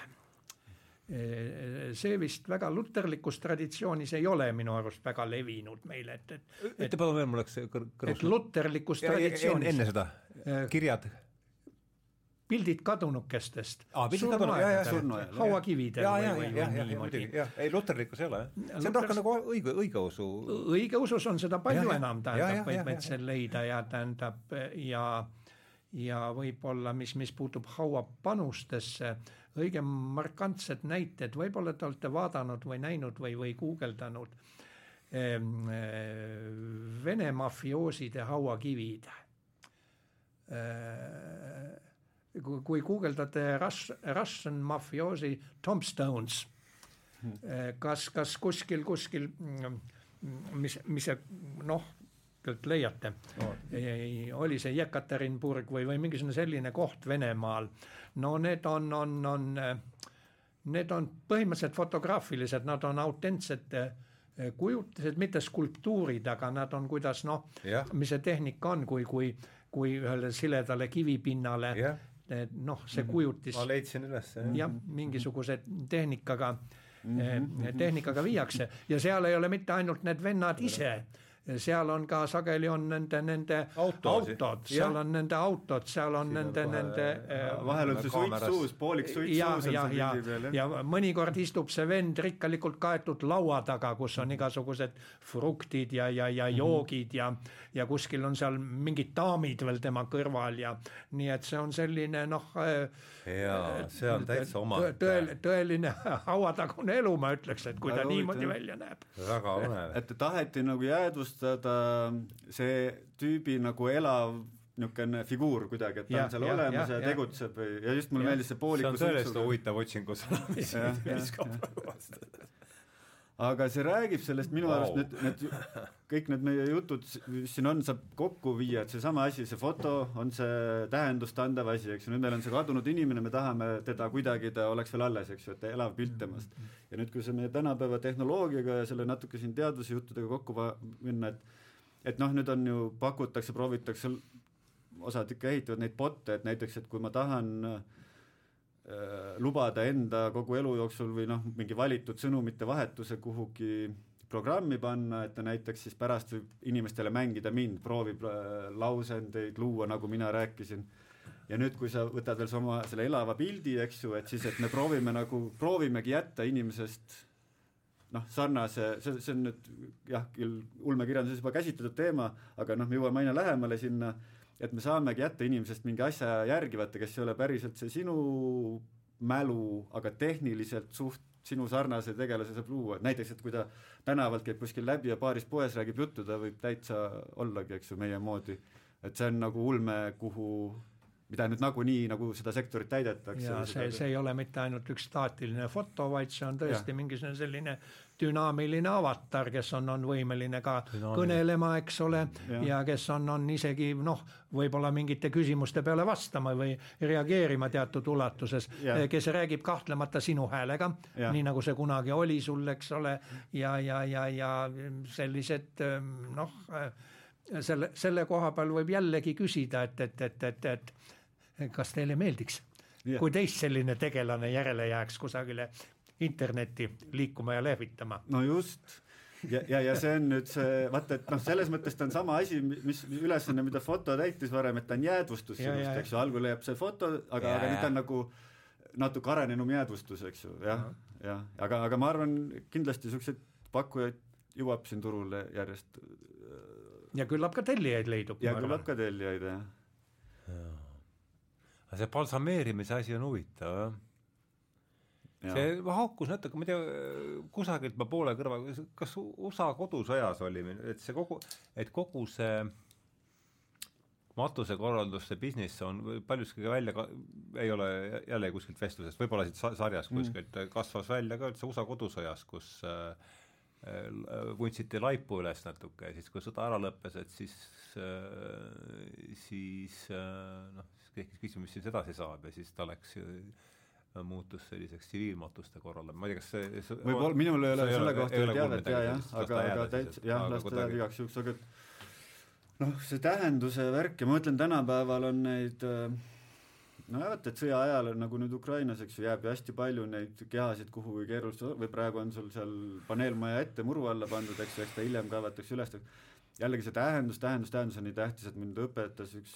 niisuguse äh, alaga päris tunnustatud professor Hollandis, kuidas see näiteks ka kultuuriline trauma peab äh, kuidas neid lahendatakse kahekümnenda sajandi kultuurilisi traumasid, et kõige parem äh, koolkond ongi Mehhiko ülikoolis, kes nad ekshumeerivad, kaevavad üles, eks ju, massihaudasid ja meil on neid seal Portugalis, Hispaanias, aga Lõuna-Ameerika riikides igal pool põhimõtteliselt noh, nüüd koosovad ja et kui on juhtunud need asjad, on paljudel emadel on jäänud need pojad teadmata kadunuks, eks ju, no sa võid mõistuses arvestada, et on jää-, saanud seal surma või noh, ilgelt on tapetud, vastikuid äh, olukordi olnud, aga võib-olla on teadmata kadunud, võib-olla põgenes kuhugi ära. Ja siis, kui see kultuuris jääb niisugune teadmatus ja niisugune lahendamatus sisse, ta jääb nagu, nagu ühte inimest on kuritarvitatud, siis jääb sinna kultuuri see kuritarvitatud tunne ja see pagana sööb seda ühiskonda, ei ole nagu hea olukord, et nüüd, kui nad siis neid massihaudasid välja kaevavad ja siis nendele luudele DNA külge panevad ja näed, et siin on jah, see on Jose, tema nüüd me teame, eks ju, ja nüüd me matame ta ümber, et, et isegi kui nüüd, kui see ema on seal väga vanaks saanud või tema lähedased, et et see südamerahu, mis sellest tuleb, et see tervendab tervet kultuuri, noh mm, -hmm. et selle, see tähenduse tähelepanemine on jube suur asi, jah mm, -hmm me, see on hea, sa tähenduse tõid uuesti mängu, et seda oluline sõna ja kõik, aga et kui me teda siin niimoodi ja, kui saatesarja pealkirjaski, aga et kui nüüd Aha. mõelda, et mis see siis ikkagi, et kas me prooviks seda kuidagi kas või mingi läbi teise sõna, vaevalt me talle siin sõrme peale saame, eks, aga et kas või mingit sünonüümi selle sõnale leida, et mis kui me räägime tähendusest, et millest me siis õigupoolest äh, räägime, kas siis läbi surma või fotograafia või laiemalt või üldse, et mis, kuidas et sa järsku Jaak otsa lahti. Tähendus kui selline, mis, mis tuu on? jah, see on ei ole lihtne küsimus. ei ole lihtne küsimus minul on, võin ma ühest kohast avada, võib sealt jätkata, aga mulle tegelikult resoneerib selle ühe autori kaudu, võib-olla sa ise siis panid ka tähele, võib-olla oled kuulnud, aga see Viktor Frankl, eks ju. jah, seda tuleb paljuski küll ette. kaks, tema on see inglisekeelne raamatu pealkiri on Man's Search for Meaning, eks ju, ja nüüd ta oli yeah. psühhiaatrina juba valmis, haritud äh, kas ta võib, kas ta nüüd professor juba oli, aga igatahes ta seal Saksamaal tegutses, tuli see juut, eks ju, tuli see natsi värk viidi koonduslaagrisse, siis ta veel oli kirjutanud mingi paberirulli peale või kuhugi pannud endale taskusse oma need mingi viimase, mille kallal ta töötas, teadustöö, et ma noh, lähen vangilaagrisse, aga et äkki ma saan teha edasi tähelepanekuid, noh see oli tema, terve elu, tema elu ja ja kuidas tal see mingi valvur selle võttis käest ja siis sülitas või noh, meelega veel alandas. Ja siis ta, ta olid seal vangilaagris ja vahel nad seal eks ju külmas ja magasid seal näiteks, et kaheksa paljast keha üksteise vastas järjest, et saada noh, sooja ellu jääda öösel ja ta ütles, et vaata, et kui me praegu oleme kuskil suvilas ja üks mees norskab ja teised on närvis, ei saa magada, aga siis, kui on noh, olude sunnil, siis sa saad seal kaheksakesi üksteise vastas paljad. ja kõik niisugused asjad ja ta hakkas tähele panema, eks ju, et siis, kui inimene on kaotanud selle tähenduse millegi, mille nimel elada, näiteks ta hommikul näeb selle inimese silmast ära, et siis see inimene tihti oli õhtuks surnud põhimõtteliselt, ütleme et, et, et kas tal siis ei olnud enam kas tal see valvur lasi maha, sest ei viitsinud enam alluda, eks ju, kas ta ise tuli see mingi haigus peale, võib-olla ei söönud enam, et aga noh, seal silmist oli enne näha, et enam ei ole millegi nimel elada ja siis see surm tuli ka järgi, ta ütles, et hakkas seda mm -hmm, aru saama. seda ma mäletan jah, Franklist. ja, ja siis ta leidis, Ott proovis otsida neid nippe, et kuidas anda minginegi tähendus, kuidas, äh, miks näiteks õhtuni vastu pidada, et vaatame, kas saame täna poole suurema leivapalukese või ei saa või mingisuguse asja, mille nimel elada, eks ju, ja sellega siis suutsid päästa mingeid elusid. ta on ikkagi kuidagi seotud motivatsiooniga, mulle tundub. motiveeri-, mingi motiveeriv mõiste, idee, eks ole, mingi minu jaoks sisaldab ka teatud sellist rahulolematust või tähendab, et ma ei ole, ma ei ole rahul selle situatsiooniga kus ma praegu olen või, ja ma tahaks nagu talle mingit sügavamat põhjendust või, või, või selgitust või õigustust leida. Ehm, ja sellega on, on nagu temaga on, tähendab selline tundmus tähendab mõnikord võib-olla eh, motiveeriv ja viibki sind mingisuguste nii-öelda sügavamate tundub see mingi motivatsiooni aspekt ja, on selle seal kuidagi sees. aga, aga, aga, aga, teisipidi võib see ka võib-olla, ma kujutan ette, lihtsalt äh, Eh, frustratsiooni põhjustada, kui sa noh, arvad, et, et sa peaksid leidma mingisuguse mm. tähenduse, aga sa ei suuda või ei ole mhm. võimeline või ei, ei ole seda tähendust mm. -hmm. nii et see on niisugune noh, nagu enamus asju, ta on nagu selline kahe otsaga või, või kahesuunaline kahesuunaline no, tee. nagu sa ise varem ütlesid, et kui, et sind huvitaks saada rohkem näha veel ette, mis mingitest asjadest saab ja kas Putin, eks ju, saab seksa, et see on ka tegelikult see, näiteks see te, huvi selle teadmise järgi või noh, ütleme, et see võib olla ka üks nagu mm, -hmm. nagu tähendus, jah, ma mõtlen nüüd, et sellel tähendussõnal on ka noh, loomulikult mitu-mitu tä tähendus varjundit. jah, jah, et näiteks see koht, jah, kus nii võtta, me selle Frankli kaudu praegu rääkisime, et aga ma arvan, sul on, eks ju, veel seal kui sa ise selle saate nime mõtlesid, oli ka veel, eks ju, see no mina võtsin selle otse Petersoni tõlkesse, Maps of Meaning, sealt, sealt, sealt see on, sealt on see tulnud nii lehe kui ka, kui ka saatesarja pealkiri, tema rääkis sellest väga palju, ta tõi selle üldse mm. -hmm. ja no mis mulle meelde jäi, seal on palju lauseid, mis mind tollal, tollal palju aitasid, aga et kui tähendus, tähendus puudub, siis ongi, et seal püüad ennast hommikul lihtsalt padjaga lämmatada mm, -hmm. mis on. Ja, ja, ja sellesama juures siis, kuna kogu see, need hammasrattad on mitmest otsast ju sama asja nimel, me oleme ka tähendust loovad olendid, noh seda on nüüd keegi ka suur autor on ilusasti veel välja kirjutanud mingite peatükkidega, aga noh, me oleme ju, me ise, eks ju, loome kogu aeg järgmist äh, tähendust ja siis no mis on teine see te,, teine viis, et me oleme lugusid rääkivad ja, äh, ja, olendid, et see, need on omavahel kuidagi seotud, ma, mulle tundub ja mõned lood ilmselt panevad meid liikuma rohkem kui teised, mulle tundub. jõuaks siit pildid. või sedakaudu ka sellise kategooriani nagu aeg. jaa, ahah, see on jah, täpselt. ja mis, mis, mis mm -hmm. kahtlemata noh ähm,, surm on ajas toimuv küllaltki selline mm, markantne sündmus mm. ja, ja, ja, ja aga ma ei mäleta, kas, kas kunagi mingisuguses suht ammuses saates Piret Kuusk sul ka ajast midagi rääkis või? Äh, Piret pidas lausa eraldi loengu meil. ja, ja, ja, ja, ja, ja. kas see võis olla Pööki seltsi esimene avalik loeng? võib-olla, võib-olla ja, ja, ja mida, midagi meeles. Piret pidas ajast jah. aga, aga, aga noh, jämedalt öeldes, et, et aja suhtes on nagu kaks sellist ähm, fundamentaalselt erinevat kontseptsiooni. Üks on see, mida nad äh, äh, presentismiks kutsuvad mm -hmm.. noh, et see praegune hetk ongi kõik, eks ole mm. -hmm. kõik see, see eelnev ja järgnev tähendab, me elame selles hetkes, kus, kus me oleme.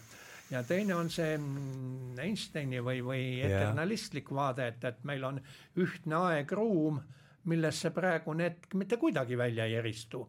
Ta on, on, on noh, kõik, kõik see kulgemine minevikust tulevikku Mm -hmm. see on nagu selline üks pidev, pidev neljamõõtmeline kontiinum, milles siis noh, ilmselt, aga teisipidi me muidugi psühholoogiliselt tunneme, eks ole mm, -hmm. et, et, et mm, noh, on ju praegune hetk, eks mm -hmm. ole, kus me siin praegu oleme ja räägime. see on väga huvitav. on, on, muidugi meil on, nüüd miks asi sisse tuleb, tähendab Peeter Tulving mm. -hmm. no ilmselt võib-olla siis mm -hmm. ei, vabandust, Endel Tulving loomulikult Endel Tulving jah, eh, üks ilmselt noh, suuremaid või tuntumaid veel elavaid eesti soost teadlasi Kanadas tegutseb psühholoog, eks ole, ja tema see noh, väga põhimõtteline kontseptsioon sellest äh, episoodilisest mälust mm. -hmm mida mina tahaks küll rohkem episoodimäluks nimetada, aga see selleks, ta on kasutusel üldiselt episoodilise mäluna ja see äh, väide seisneb selles, et, et inimolendid on küllaltki äh, erakordsed selle poolest võrreldes kõikide teiste loomadega.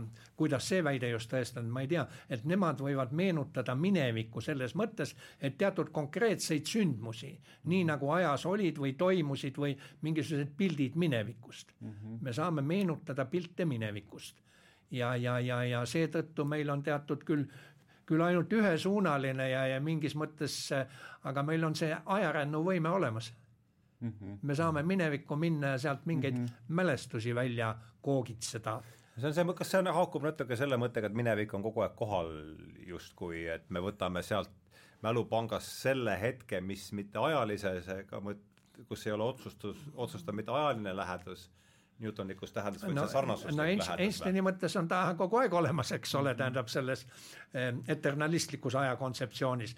iseküsimus, et, et kuidas sealt minevikust asju kätte saada, eks mm -hmm. ole. no niisama lihtne ei ole, aga küll on selline asi, et, et, et mis nüüd fotograafiat vägagi puudutab, et, et, et kui kõik need kaunid mälupildid, mis mul siin peas on, need on minu omad mm. -hmm. ega ma neid niisama lihtsalt ei saa teiega jagada mm, -hmm. isegi kui tahaks, tähendab no ma ainult saan, läbi joonistuste ainult ja läbi joonistuste küllalt selline aeglane ja, ja, ja, ja, ja meetod, aga mm, fotograafia ongi mingis mõttes kollektiivne eh, kollektiivne mälu. Siiski mitte ainult läbi joonistuste, vaid kas või läbi luuletuse või novelli, eks ole, on see, noh, ta läheb küll natuke jah, foto, kujut-, ma mõtlen neid mälupilte, eks, et ei, ma, ma, ma mõtlen, ma mõtlen päris konkreetselt selliseid mälupilte kui, kui fotosid või no, mingisuguseid, mingisuguseid filmi, filmijuppe, mingisuguseid filmijuppe ja, ja, ja nojah ja selles mõttes võikski fotograafias siis rääkida kui kollektiivsest episoodilisest mälust mm -hmm. tulvingu mõttes mm. -hmm. ta on küll, küll, mis ajas järjest täiuslikumaks muutub, sellepärast et pilte tehakse järjest rohkem, eks ole, ja ühesõnaga seda aja, ajalugu kaetakse piltidega mm -hmm. järjest tihedamalt. noh kuidas need kätte saab, kuidas need salvestatakse, need omaette tehnilised küsimused mm, -hmm. aga, aga, aga, aga just äh, meil vist teha, üks päev kellegitega vaatasime järgi, ma ei mäleta, mis me mitu, seitse miljardit pilti kas tunnis või kuidagi, kui palju tänapäeval tehakse no,, eks, et tegelikult jah. see, see pildimälu jääb hästi. ma mõtlesin, et sinu see pakkumine sinna juurde, aga muidu eks see foto, tõesti, et kui kunagi ajaloost peaks tänasesse aega tagasi vaatama, et kui palju materjali meil on, eks ju, millest see kõik koosnes, et noh, see fot-, pildiline mälu on vau wow,, eks ju, tegelikult saab üles joonistada selle maailma uuesti tõenäoliselt, et kõik aga siis ma, ma mäletan, ma teile rääkisin seda vist ka üürikeselt, et mu enda see, kus mul juhtus see piiripealne kogemus seal Indias, et kus kukkusin peaga terava selle sirge seljaga vastu kõnnitäärt, olin peaaegu läinud ja sõber seal oli sul on olemas ka surmalähedane kogemus? jah, ja seal on äh, muidu on need nii pikad lood, see pagana ulme asju juhtus, aga siis see, kuidas, et kuhu ma, ma tulen praegusesse teemasse, siis et seal algul üht-teist ja lõpuks ma olin siis seal kuskil poolteadusel pandud kuhugi pikali ja siis mul kadus kogu mälu ära, aga mulle meeldib see, et ma hiljem, ma olin seal lähedal ajal pannud järgmistel päevadel kirja. kas see oli seesama, see Kashmiri sõidu ajal või? peale seda jah, siis me olime seal MacLeod Kansis, mis on see aga üks sõit siit sellest äh, jah, sealt ja. pääsesin, ma olingi esimest või teist päeva seal vabas, sest Kashmirisse ei tohtinud üksi ringiga liikuda, sõjavägi, kõik see oli niisugune karm ja natuke rõhuv, endal juhtus ulme asju, nüüd ma olin vabas kohas ja Dalai-laama kodulinnas ja kõik maailma budistlik koorekiht on seal, et niisugune vaba tunne tuli. Ja siis äh, juhtus see juhtum ja nüüd siis äh, kukkusin seal kokku, ma arvan, mägedes, jalutasin palju, olin äh, unustanud süüa ja võib-olla veresuhkur isegi, võib-olla midagi muud, müstilikuid täiskoht ja siis äh, hiljem siis ärkan üles, olen nagu teadel, aga mälu pole ja mälu pole pärast seda kukkumist? jah mm, -hmm. mälu pole mitte millestki, mälu pole isegi sellest, et me oleme inimesed, et on olemas ema, et me sünnime emast, et kuskil on Eesti või kuskil on India, aga sa oled olemas ja sa vaatad seda maailma, aga sa vist ei näe ka seda ruumi selle ruumina, sest sul isegi pole mälu, ma ei tea, seinamaterjalidest, paltidest, noh, täitsa pühitud, aga teadval olen ja nüüd ma räägin mingi taju on olemas. jah, ja ma praegu räägin ja see on hilisem kajastus sellest, sest seal ei olnud ka neid sõnu olemas, eks ju, et aga väga-väga sügavalt nagu ja siis tuli seal huvitavaid etappe, mäletan, kus siis lõpuks tuli mingi mälu olemus, et ma olen nagu tajuv olend äh, ja siis, kus ma hakkasin proovima, ma ei tea, kui palju tunde oli läinud, hakkasin proovima, et oh, ja siis nagu kas ma oskan olemas olla ja kuidagi võtsin, et kas ma oskan üks pluss üks mõelda. sain pika peale hästi aeglaselt, siis praegu on nagu tohutult erinev olla seal, sain number kaks ja siis seal kuidagi kaks pluss kahest sain nelja pika peale, aga kolm pluss kolm enam ei osanud teha, sealt kadus jällegi kõik ära ja siis veel edasi, siis toimetati, aidati sinna, on pool teadvel India mingi minibussiga ja kus peab ise jalutama sinna peale rahva vahelt, et viiakse haiglasse, siis seal haiglas tuli, õmmetasid pea, kiilad kuidagi seal õmmeldi, arstid nagu tegid ja siis tuli mingi ooteaeg, et kutsuti, oli juba seal öö või varahommik ja kutsuti mingi spets neuroloog kohale ja jumala õnn, et me oleme seal Dalai-laama kodukandis, Ramsalaas, et on olemas Dalai-laama nimeline haigla, et noh, Indias igal pool võib-olla niisugust taset ei ole, seal kuidagi osati hästi, hästi teha. Ja siis, ja siis ma mäletan, et olin teadvel juba, et ma olen inimene, et on teised inimesed olemas, et kuidas kõik see Flashiga tuli huvitav ja siis hakkas tulema mul mure, et pagan küll, et kõigepealt on see kaksteist aastat mingis koolis käidud, aga teisalt on õpitud, ma ei tea, kirjutama käega või kahvliga sööma, et kas ma nüüd seda kõike mäletan, lihtsalt oled kuskil paigal sisemaailmas ja oodatakse seda neuroloogi ja siis tuli hirm, et äkki ma ei oska enam inimene olla. Ja siis ma mõtlesin, et oo, peab vaatama, et kas ma mäletan midagi, mis ma olen õppinud. Ja siis ma hakkasin proovima oma mälus minna tagasi vaatama, et mida ma mäletan endast. Ja järsku ma sain aru, et ma olen mingis sellises ruumis, kuhu võib absoluutselt igasse oma mälu kohta minna, ükskõik mida vaadata. Mm.. vaatasin, et see kooliaeg lihtne, et see on väga lihtne, aga kuidagi siis taju juba, see uuriv taju oli seal olemas, et ma vaatan kaugemale, läksin aina nooremasse, läksin mingi lasteaia alguse vanuse endasse, siis vaatan seal ühte mingit stseeni, ma sain nagu enda sees olla, vaatad seal, et ma panen mingeid jalanõusid jalga esi-, ma muidu ei mäleta mäletaks neid asju. Ja praegu neid olukordi, mida ma käisin siis vaatamas, ma ka mäletan, aga enam nagu noh, teistesse seal lähedal ei oska minna. ja see on ikkagi selgelt muutunud teadvusseisund on, eks ole, selle, nii kuidas seda tõenäoliselt kindlasti seda tuleb, eks ju, pealkirjana öelda ja ka teine asi, et ja siis ma läksin ühe hästi, hästi lapse mingi sünnipäevasse sisse seal istusin seal laua taga rahulikult, vaatasin, seal oli see õde, teised mõned väiksed lapsed, suurte inimeste laud selja taga, nad ei olnud tähelepanu olnud meie ajaks, seal pidin mingit morsiga andma ise, esimest korda elus jaksasin nii suurt ka, et kogu see laudlina tekstuur nagu enda selg, iseenda olemus, kõik oli alles, vaata, et see on minu jaoks nagu päris oma kogemus, et kuskil on alles see mälu, mis me noh, ja nüüd, kui te rääkisite siin, et mm -hmm. aga nii täpne mälu, et ma kõik, ma tunnen, jah, ma ütlen seda tekstuuri, tõenäoliselt on need lõhnad, sa tunned nende teiste inimeste olemust et kui te rääkisite või noh, Jaak rääkis sellest, et foto on kogu see mälu, eks ju, ja sa pakkusid neid luuletuse kirjandust juurde, siis ma hakkasin peas mõtlema, et oot, et mi-, et millest kogu see pilt koosnes, et see tegelikult, see ei ole, kuigi ma nägin seda pilti, eks ju, aga seal on mm -hmm. nagu rohkem kui pilt, seal on vist kõik asjad, et seal on kõik meie tajud, võib-olla on need lõhnad ka või ja. puudutused, eks ju, et tegelikult on kogu ja, ja noh, minu kogemuses ma usun, et kuskil on siis kogu see meie elu läbi, et ma ise kogenud, et kuskil on see meie kõik läbi nähtud asjad on kuskil tallel, vot et. ja ma arvan, et see, see sõnapaar, mis tegelikult käivitas selle arutelu, oli seesama eternalism ja present, presentism, jah, väga, väga huvitav. kas see, palju sina tead, see oli see, palju te olete kuulnud sellest Bergsoni ja Einsteini vaidlusest äh, kahekümnendate aastate alguses oli see vist? ma olen tahtnud sellest ammust teha saadet ja ma olen ka ühte raamatut on seal poolenisti läbi, aga ei ole selleni jõudnud, et kas see tule, tuleb praegu, see oli Bergsoni ja, ja Einsteini mingi kuulus äh, kuulus vaidlus aja üle kahekümnendate aastate alguses, kus Einstein jäi peale, et kas, kas see tuleb Meenu, meenub, et selline vaidlus oli, aga, aga sisu, sisu ei, ei tule küll, küll praegu, eks ole. aga see noh, tundub, see tundub väga huvitav. mis seal nüüd oli ja. umbes, kas oli? noh, ma, räägi sina, palju sul meeles on?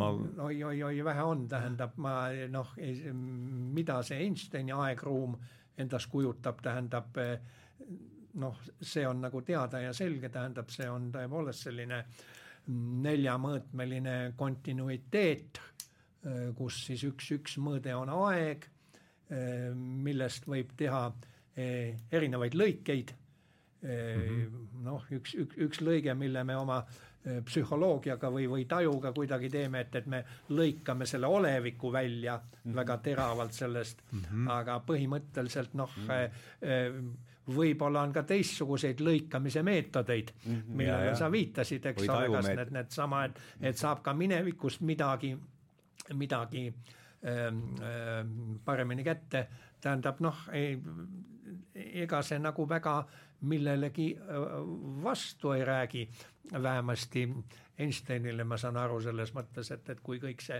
kui kõik see asi, see neljamõõtmeline kontinuiteet sedasi eksisteerib või olemas on, noh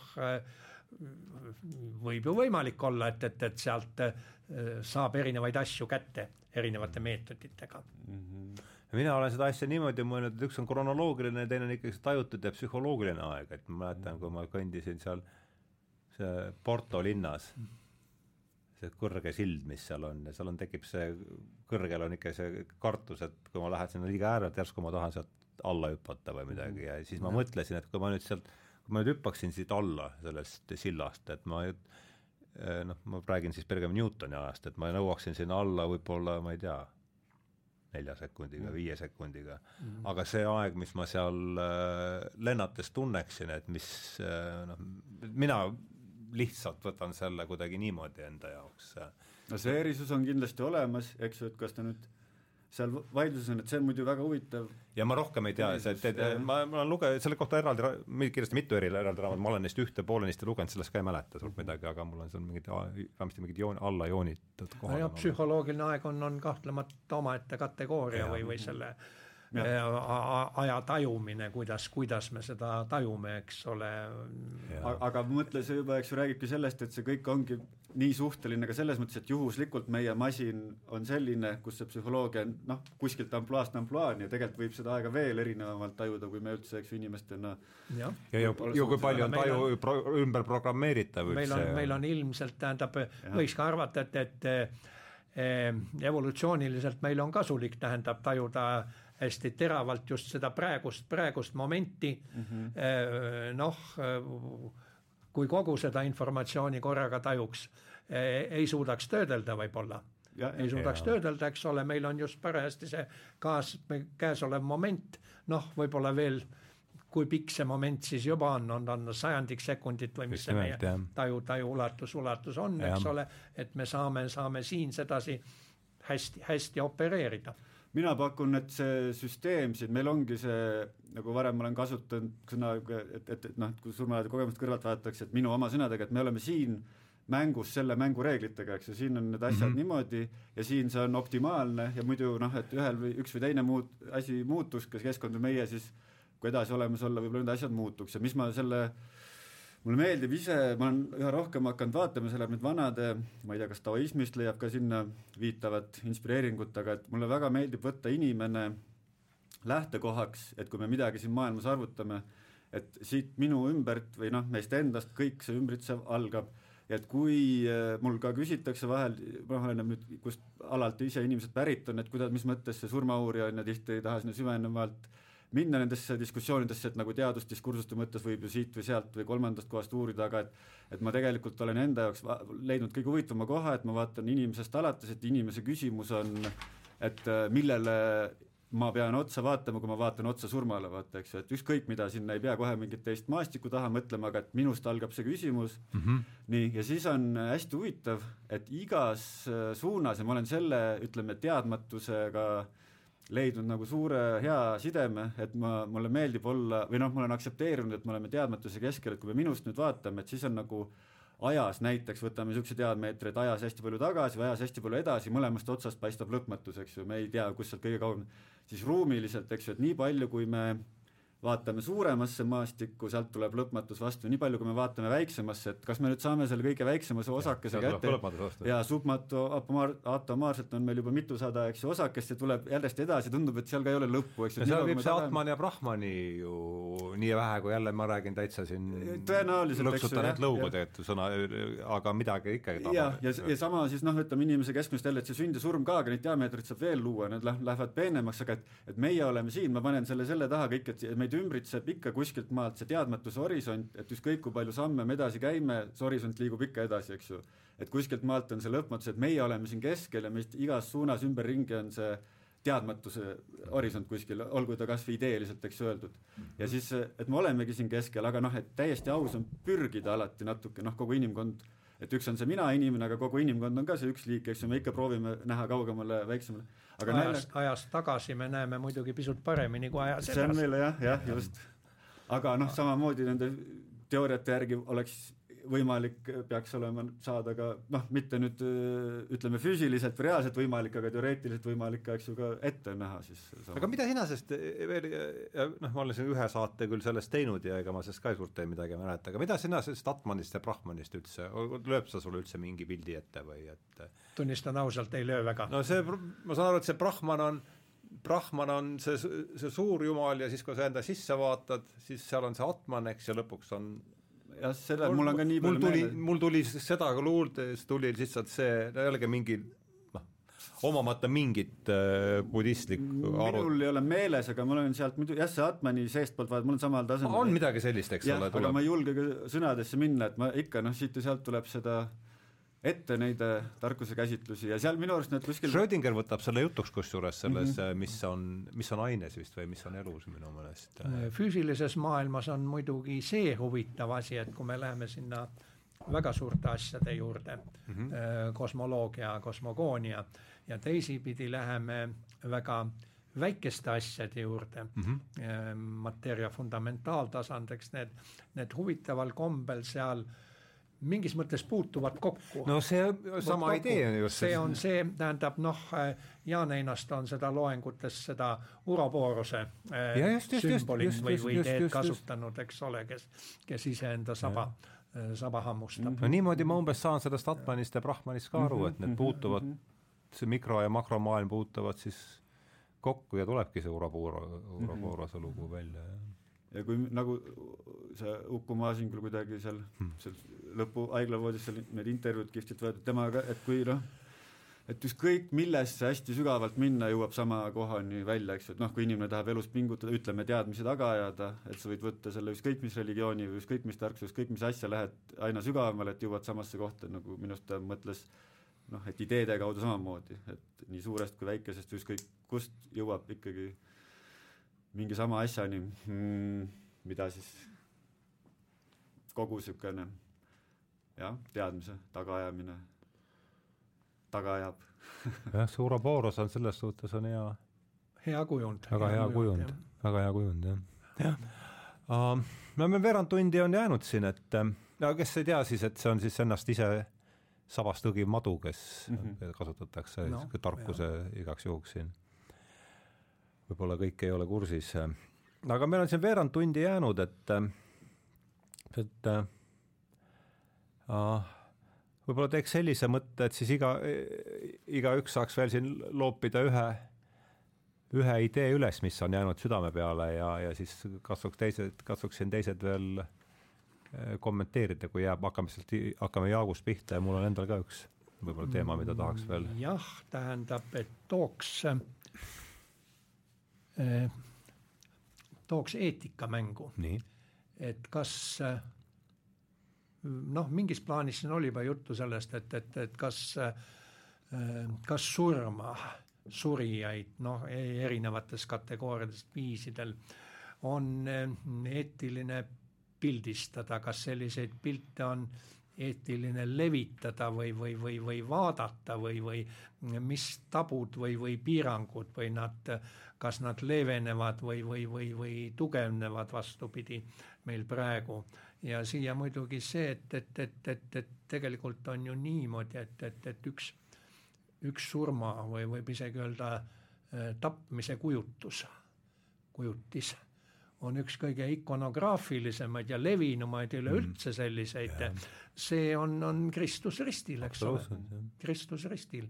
ja, ja, ja, ja, ja noh, ehm, kui, kui, kui selle surma vaatamine on noh, üldiselt nagu levinud või, või aktsepteeritud, tähendab noh, siit võib siis, võib siis edasi mõelda ehkki sageli on, on ju noh, veebikohtades on, on need hoiatused ees, et, et, et, et, et et see graphic material follows või midagi taolist, ühesõnaga, et, et edasi vaadake siis oma, oma vastutusel, kui, kui, kui, kui tahate vaadata mm. -hmm. et äh, minu arust see, noh, ja siit ja jätkata, väga huvitav on ju see, et tegelikult see kristlus on üks noh, vähemalt suurtest ainus religioon, mis on nii keskne on see noh, kogu mäng selle surma ümber, eks ju, see on nii tähtis sündmus, kogu see ülestõus, kõik see, et vaatame teisi religioone, seal ei ole üldse see nii suur ja minu arust keegi aasialane mulle seda niimoodi rääkiski, et et noh, no kihvtilt, mitte nagu pilgates, aga et naljakas on vaadata teie poole, et teil on see surm ja siis see surnuks löömine, selle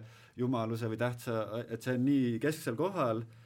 Ja, ja samal ajal vaata paradoksaalselt, ega kristluses äh, ja minu arust seda surma niimoodi kogu aeg nii väga ei muul moel ei afišeerita või ei ole nii tähtis, mis seal peab, kuigi noh, see lugu on seal taustal olemas, eks ju, see viimne ülestõusmine kuskil on, ollakse nii kaua, aga noh, see ei ole nagu see peajutluse teema kogu aeg, et ei afišeerita mõnes mõttes surma, kuigi seesama sümbol, peamine sümbol on suremise tähistus, eks ju. et see on huvitav värk, aga nüüd, see siis, et me, kui nad tõin niimoodi teiste, teiste vaatevinklist et kuidas aasialane mulle rääkis, et siis mis mina panen hästi tähele, et meil on see lugu, mis meil on, see on see lugu, mis meid teeb, eks ju. meie ja. aju saab asjadest aru nagu lugudest ja siis meil ongi need äh, erinevad lood ja noh, see vana kuulus, eks ju, et foto on tuhat sõna, eks ju, see on nagu noh, pikem lugu kui need mõned sõnad, et siis see on küllaltki, esiteks on kihvt teadvustada, et on olemas erinevad lood ja võib äh, see võib ka muidugi raskeks osutuda, et ma ei tea, millist lugu valida või noh, et kui inimesele öelda, et vali nüüd üks religioon ja mine sinna, et näiteks raske, raske ülesanne, aga teisalt minu arust saab seal leida ka selle rahu, et ma teadvustan, et, et mul on praegu, minu aju on, kodeerib lahti seda ühte lugu, millises maailmas ma elan, aga et neid on erinevaid veel, jube vabastav, mulle see meeldib, et ma olen saanud maailmas nagu mitmes erikultuuris elada, kus see algul kohe ei tajunud seda nii hästi, kuigi väga huvitav oli, aga hiljem, et enda näiteks, et pere, ema ja mingisuguste inimeste see igapäeva pidepunktid, kuhu päev toetub, on nii pagan erinevad, neil on need erinevad lood, kuigi samal ajal me oleme inimesena üsna sarnased, kolm korda päevas peab näiteks süüa tegema või noh, mingid asjad, eks ju. aga samal ajal nii erinevad. Ja kui see ja siis see võib tunduda, see maakera üks hetk meil nii väike siin internetiga kõik kasutame sõna, seal on Ameerika, Ukraina teevad kõike tiiret, aga samal ajal sa oled seal kuskil selles Mehhikos või seal Indias või kuskil, kui erinev see inimeseks olemise kogemus on mm., eks ju.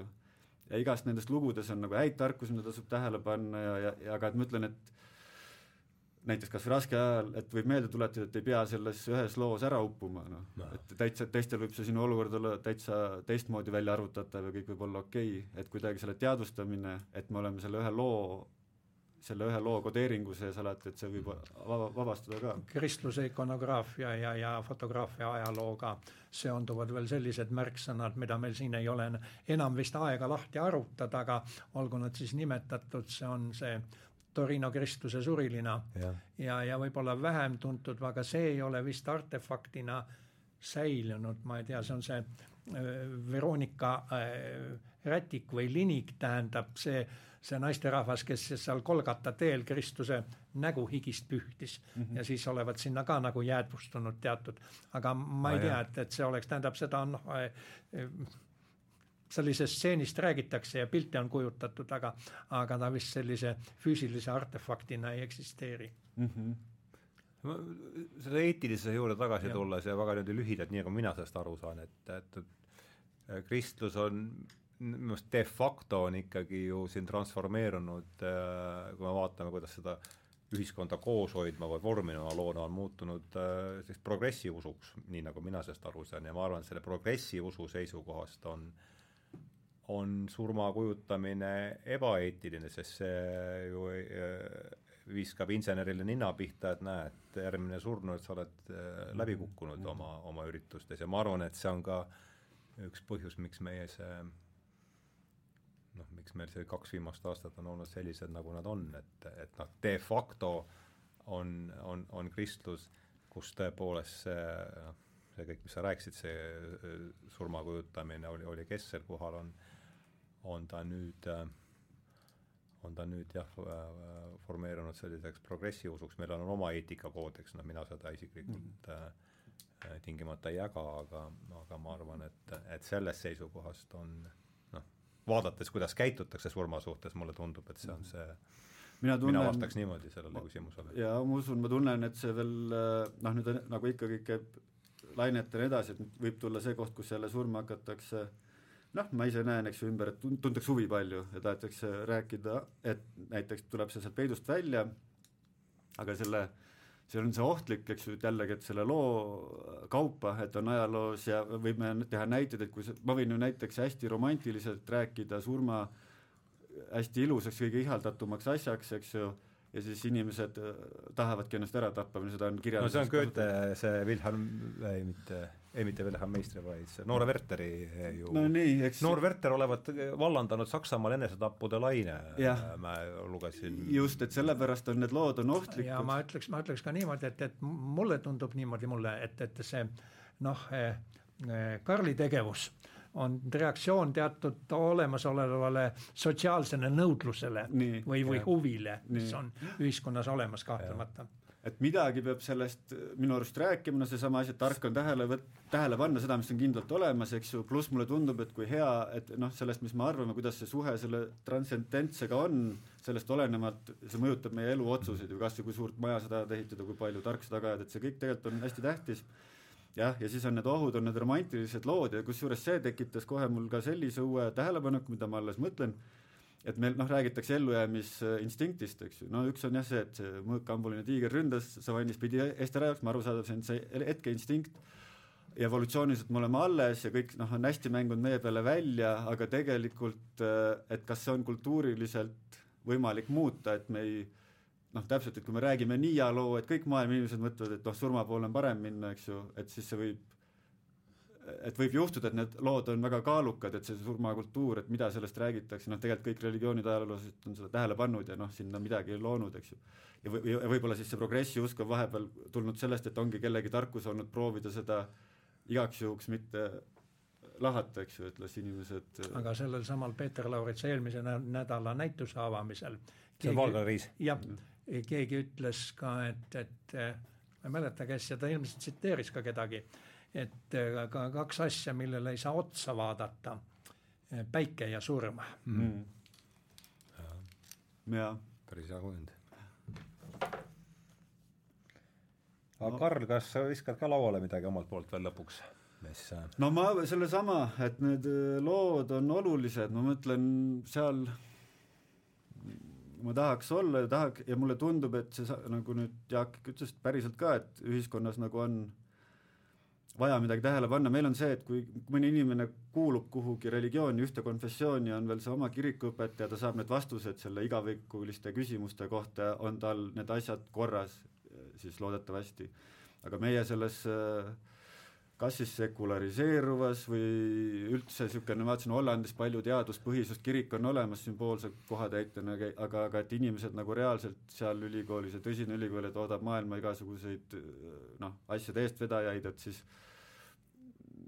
et nad nagu selle religiooni kaudu või noh, midagi sellist, mitte et see kõik nagu kellelgi nüüd rohkem õigus oleks, aga et need inimesed, kes ei toetu enam nende käsi tugipuuks ei ole see religiooniõpetus. de facto religioon on mujal. jah, jah, ja nemad, nüüd on see teaduspõhisus ja siis teaduspõhisus ei saa rääkida sellest, et kus see kokkupuude transcendentsega tuleb, eks ju, et mis seal taga on, me ei saa seda mõõta ega mudeldada. Pole olemaski selles mudelis. jah, aga samal ajal siis on Eestis, eks ju, Eesti mehed, ma pean, lugu on Enn Kasakust ja eks ju, Enn Mundo Uus või Enn Kasakuse lugu siin et, et kaks tuhat kaheksa vist oli seal ülikoolis, et ma unistan rohkem võimekas teadusest, eks ju, et, et mis ma näen, et et kui see mõju, see, mis selle, ütleme, suure teadmatusega kokkupuutepunktist või suhtest suure teadmatusega on inimestele, et see on nii suur, eks ju, et siis ei, on, oleks väga rumal seda mitte tähele panna ja mitte selle kohta küsimusi küsida ja minu arust see kõige tähtsam, et jõuda selle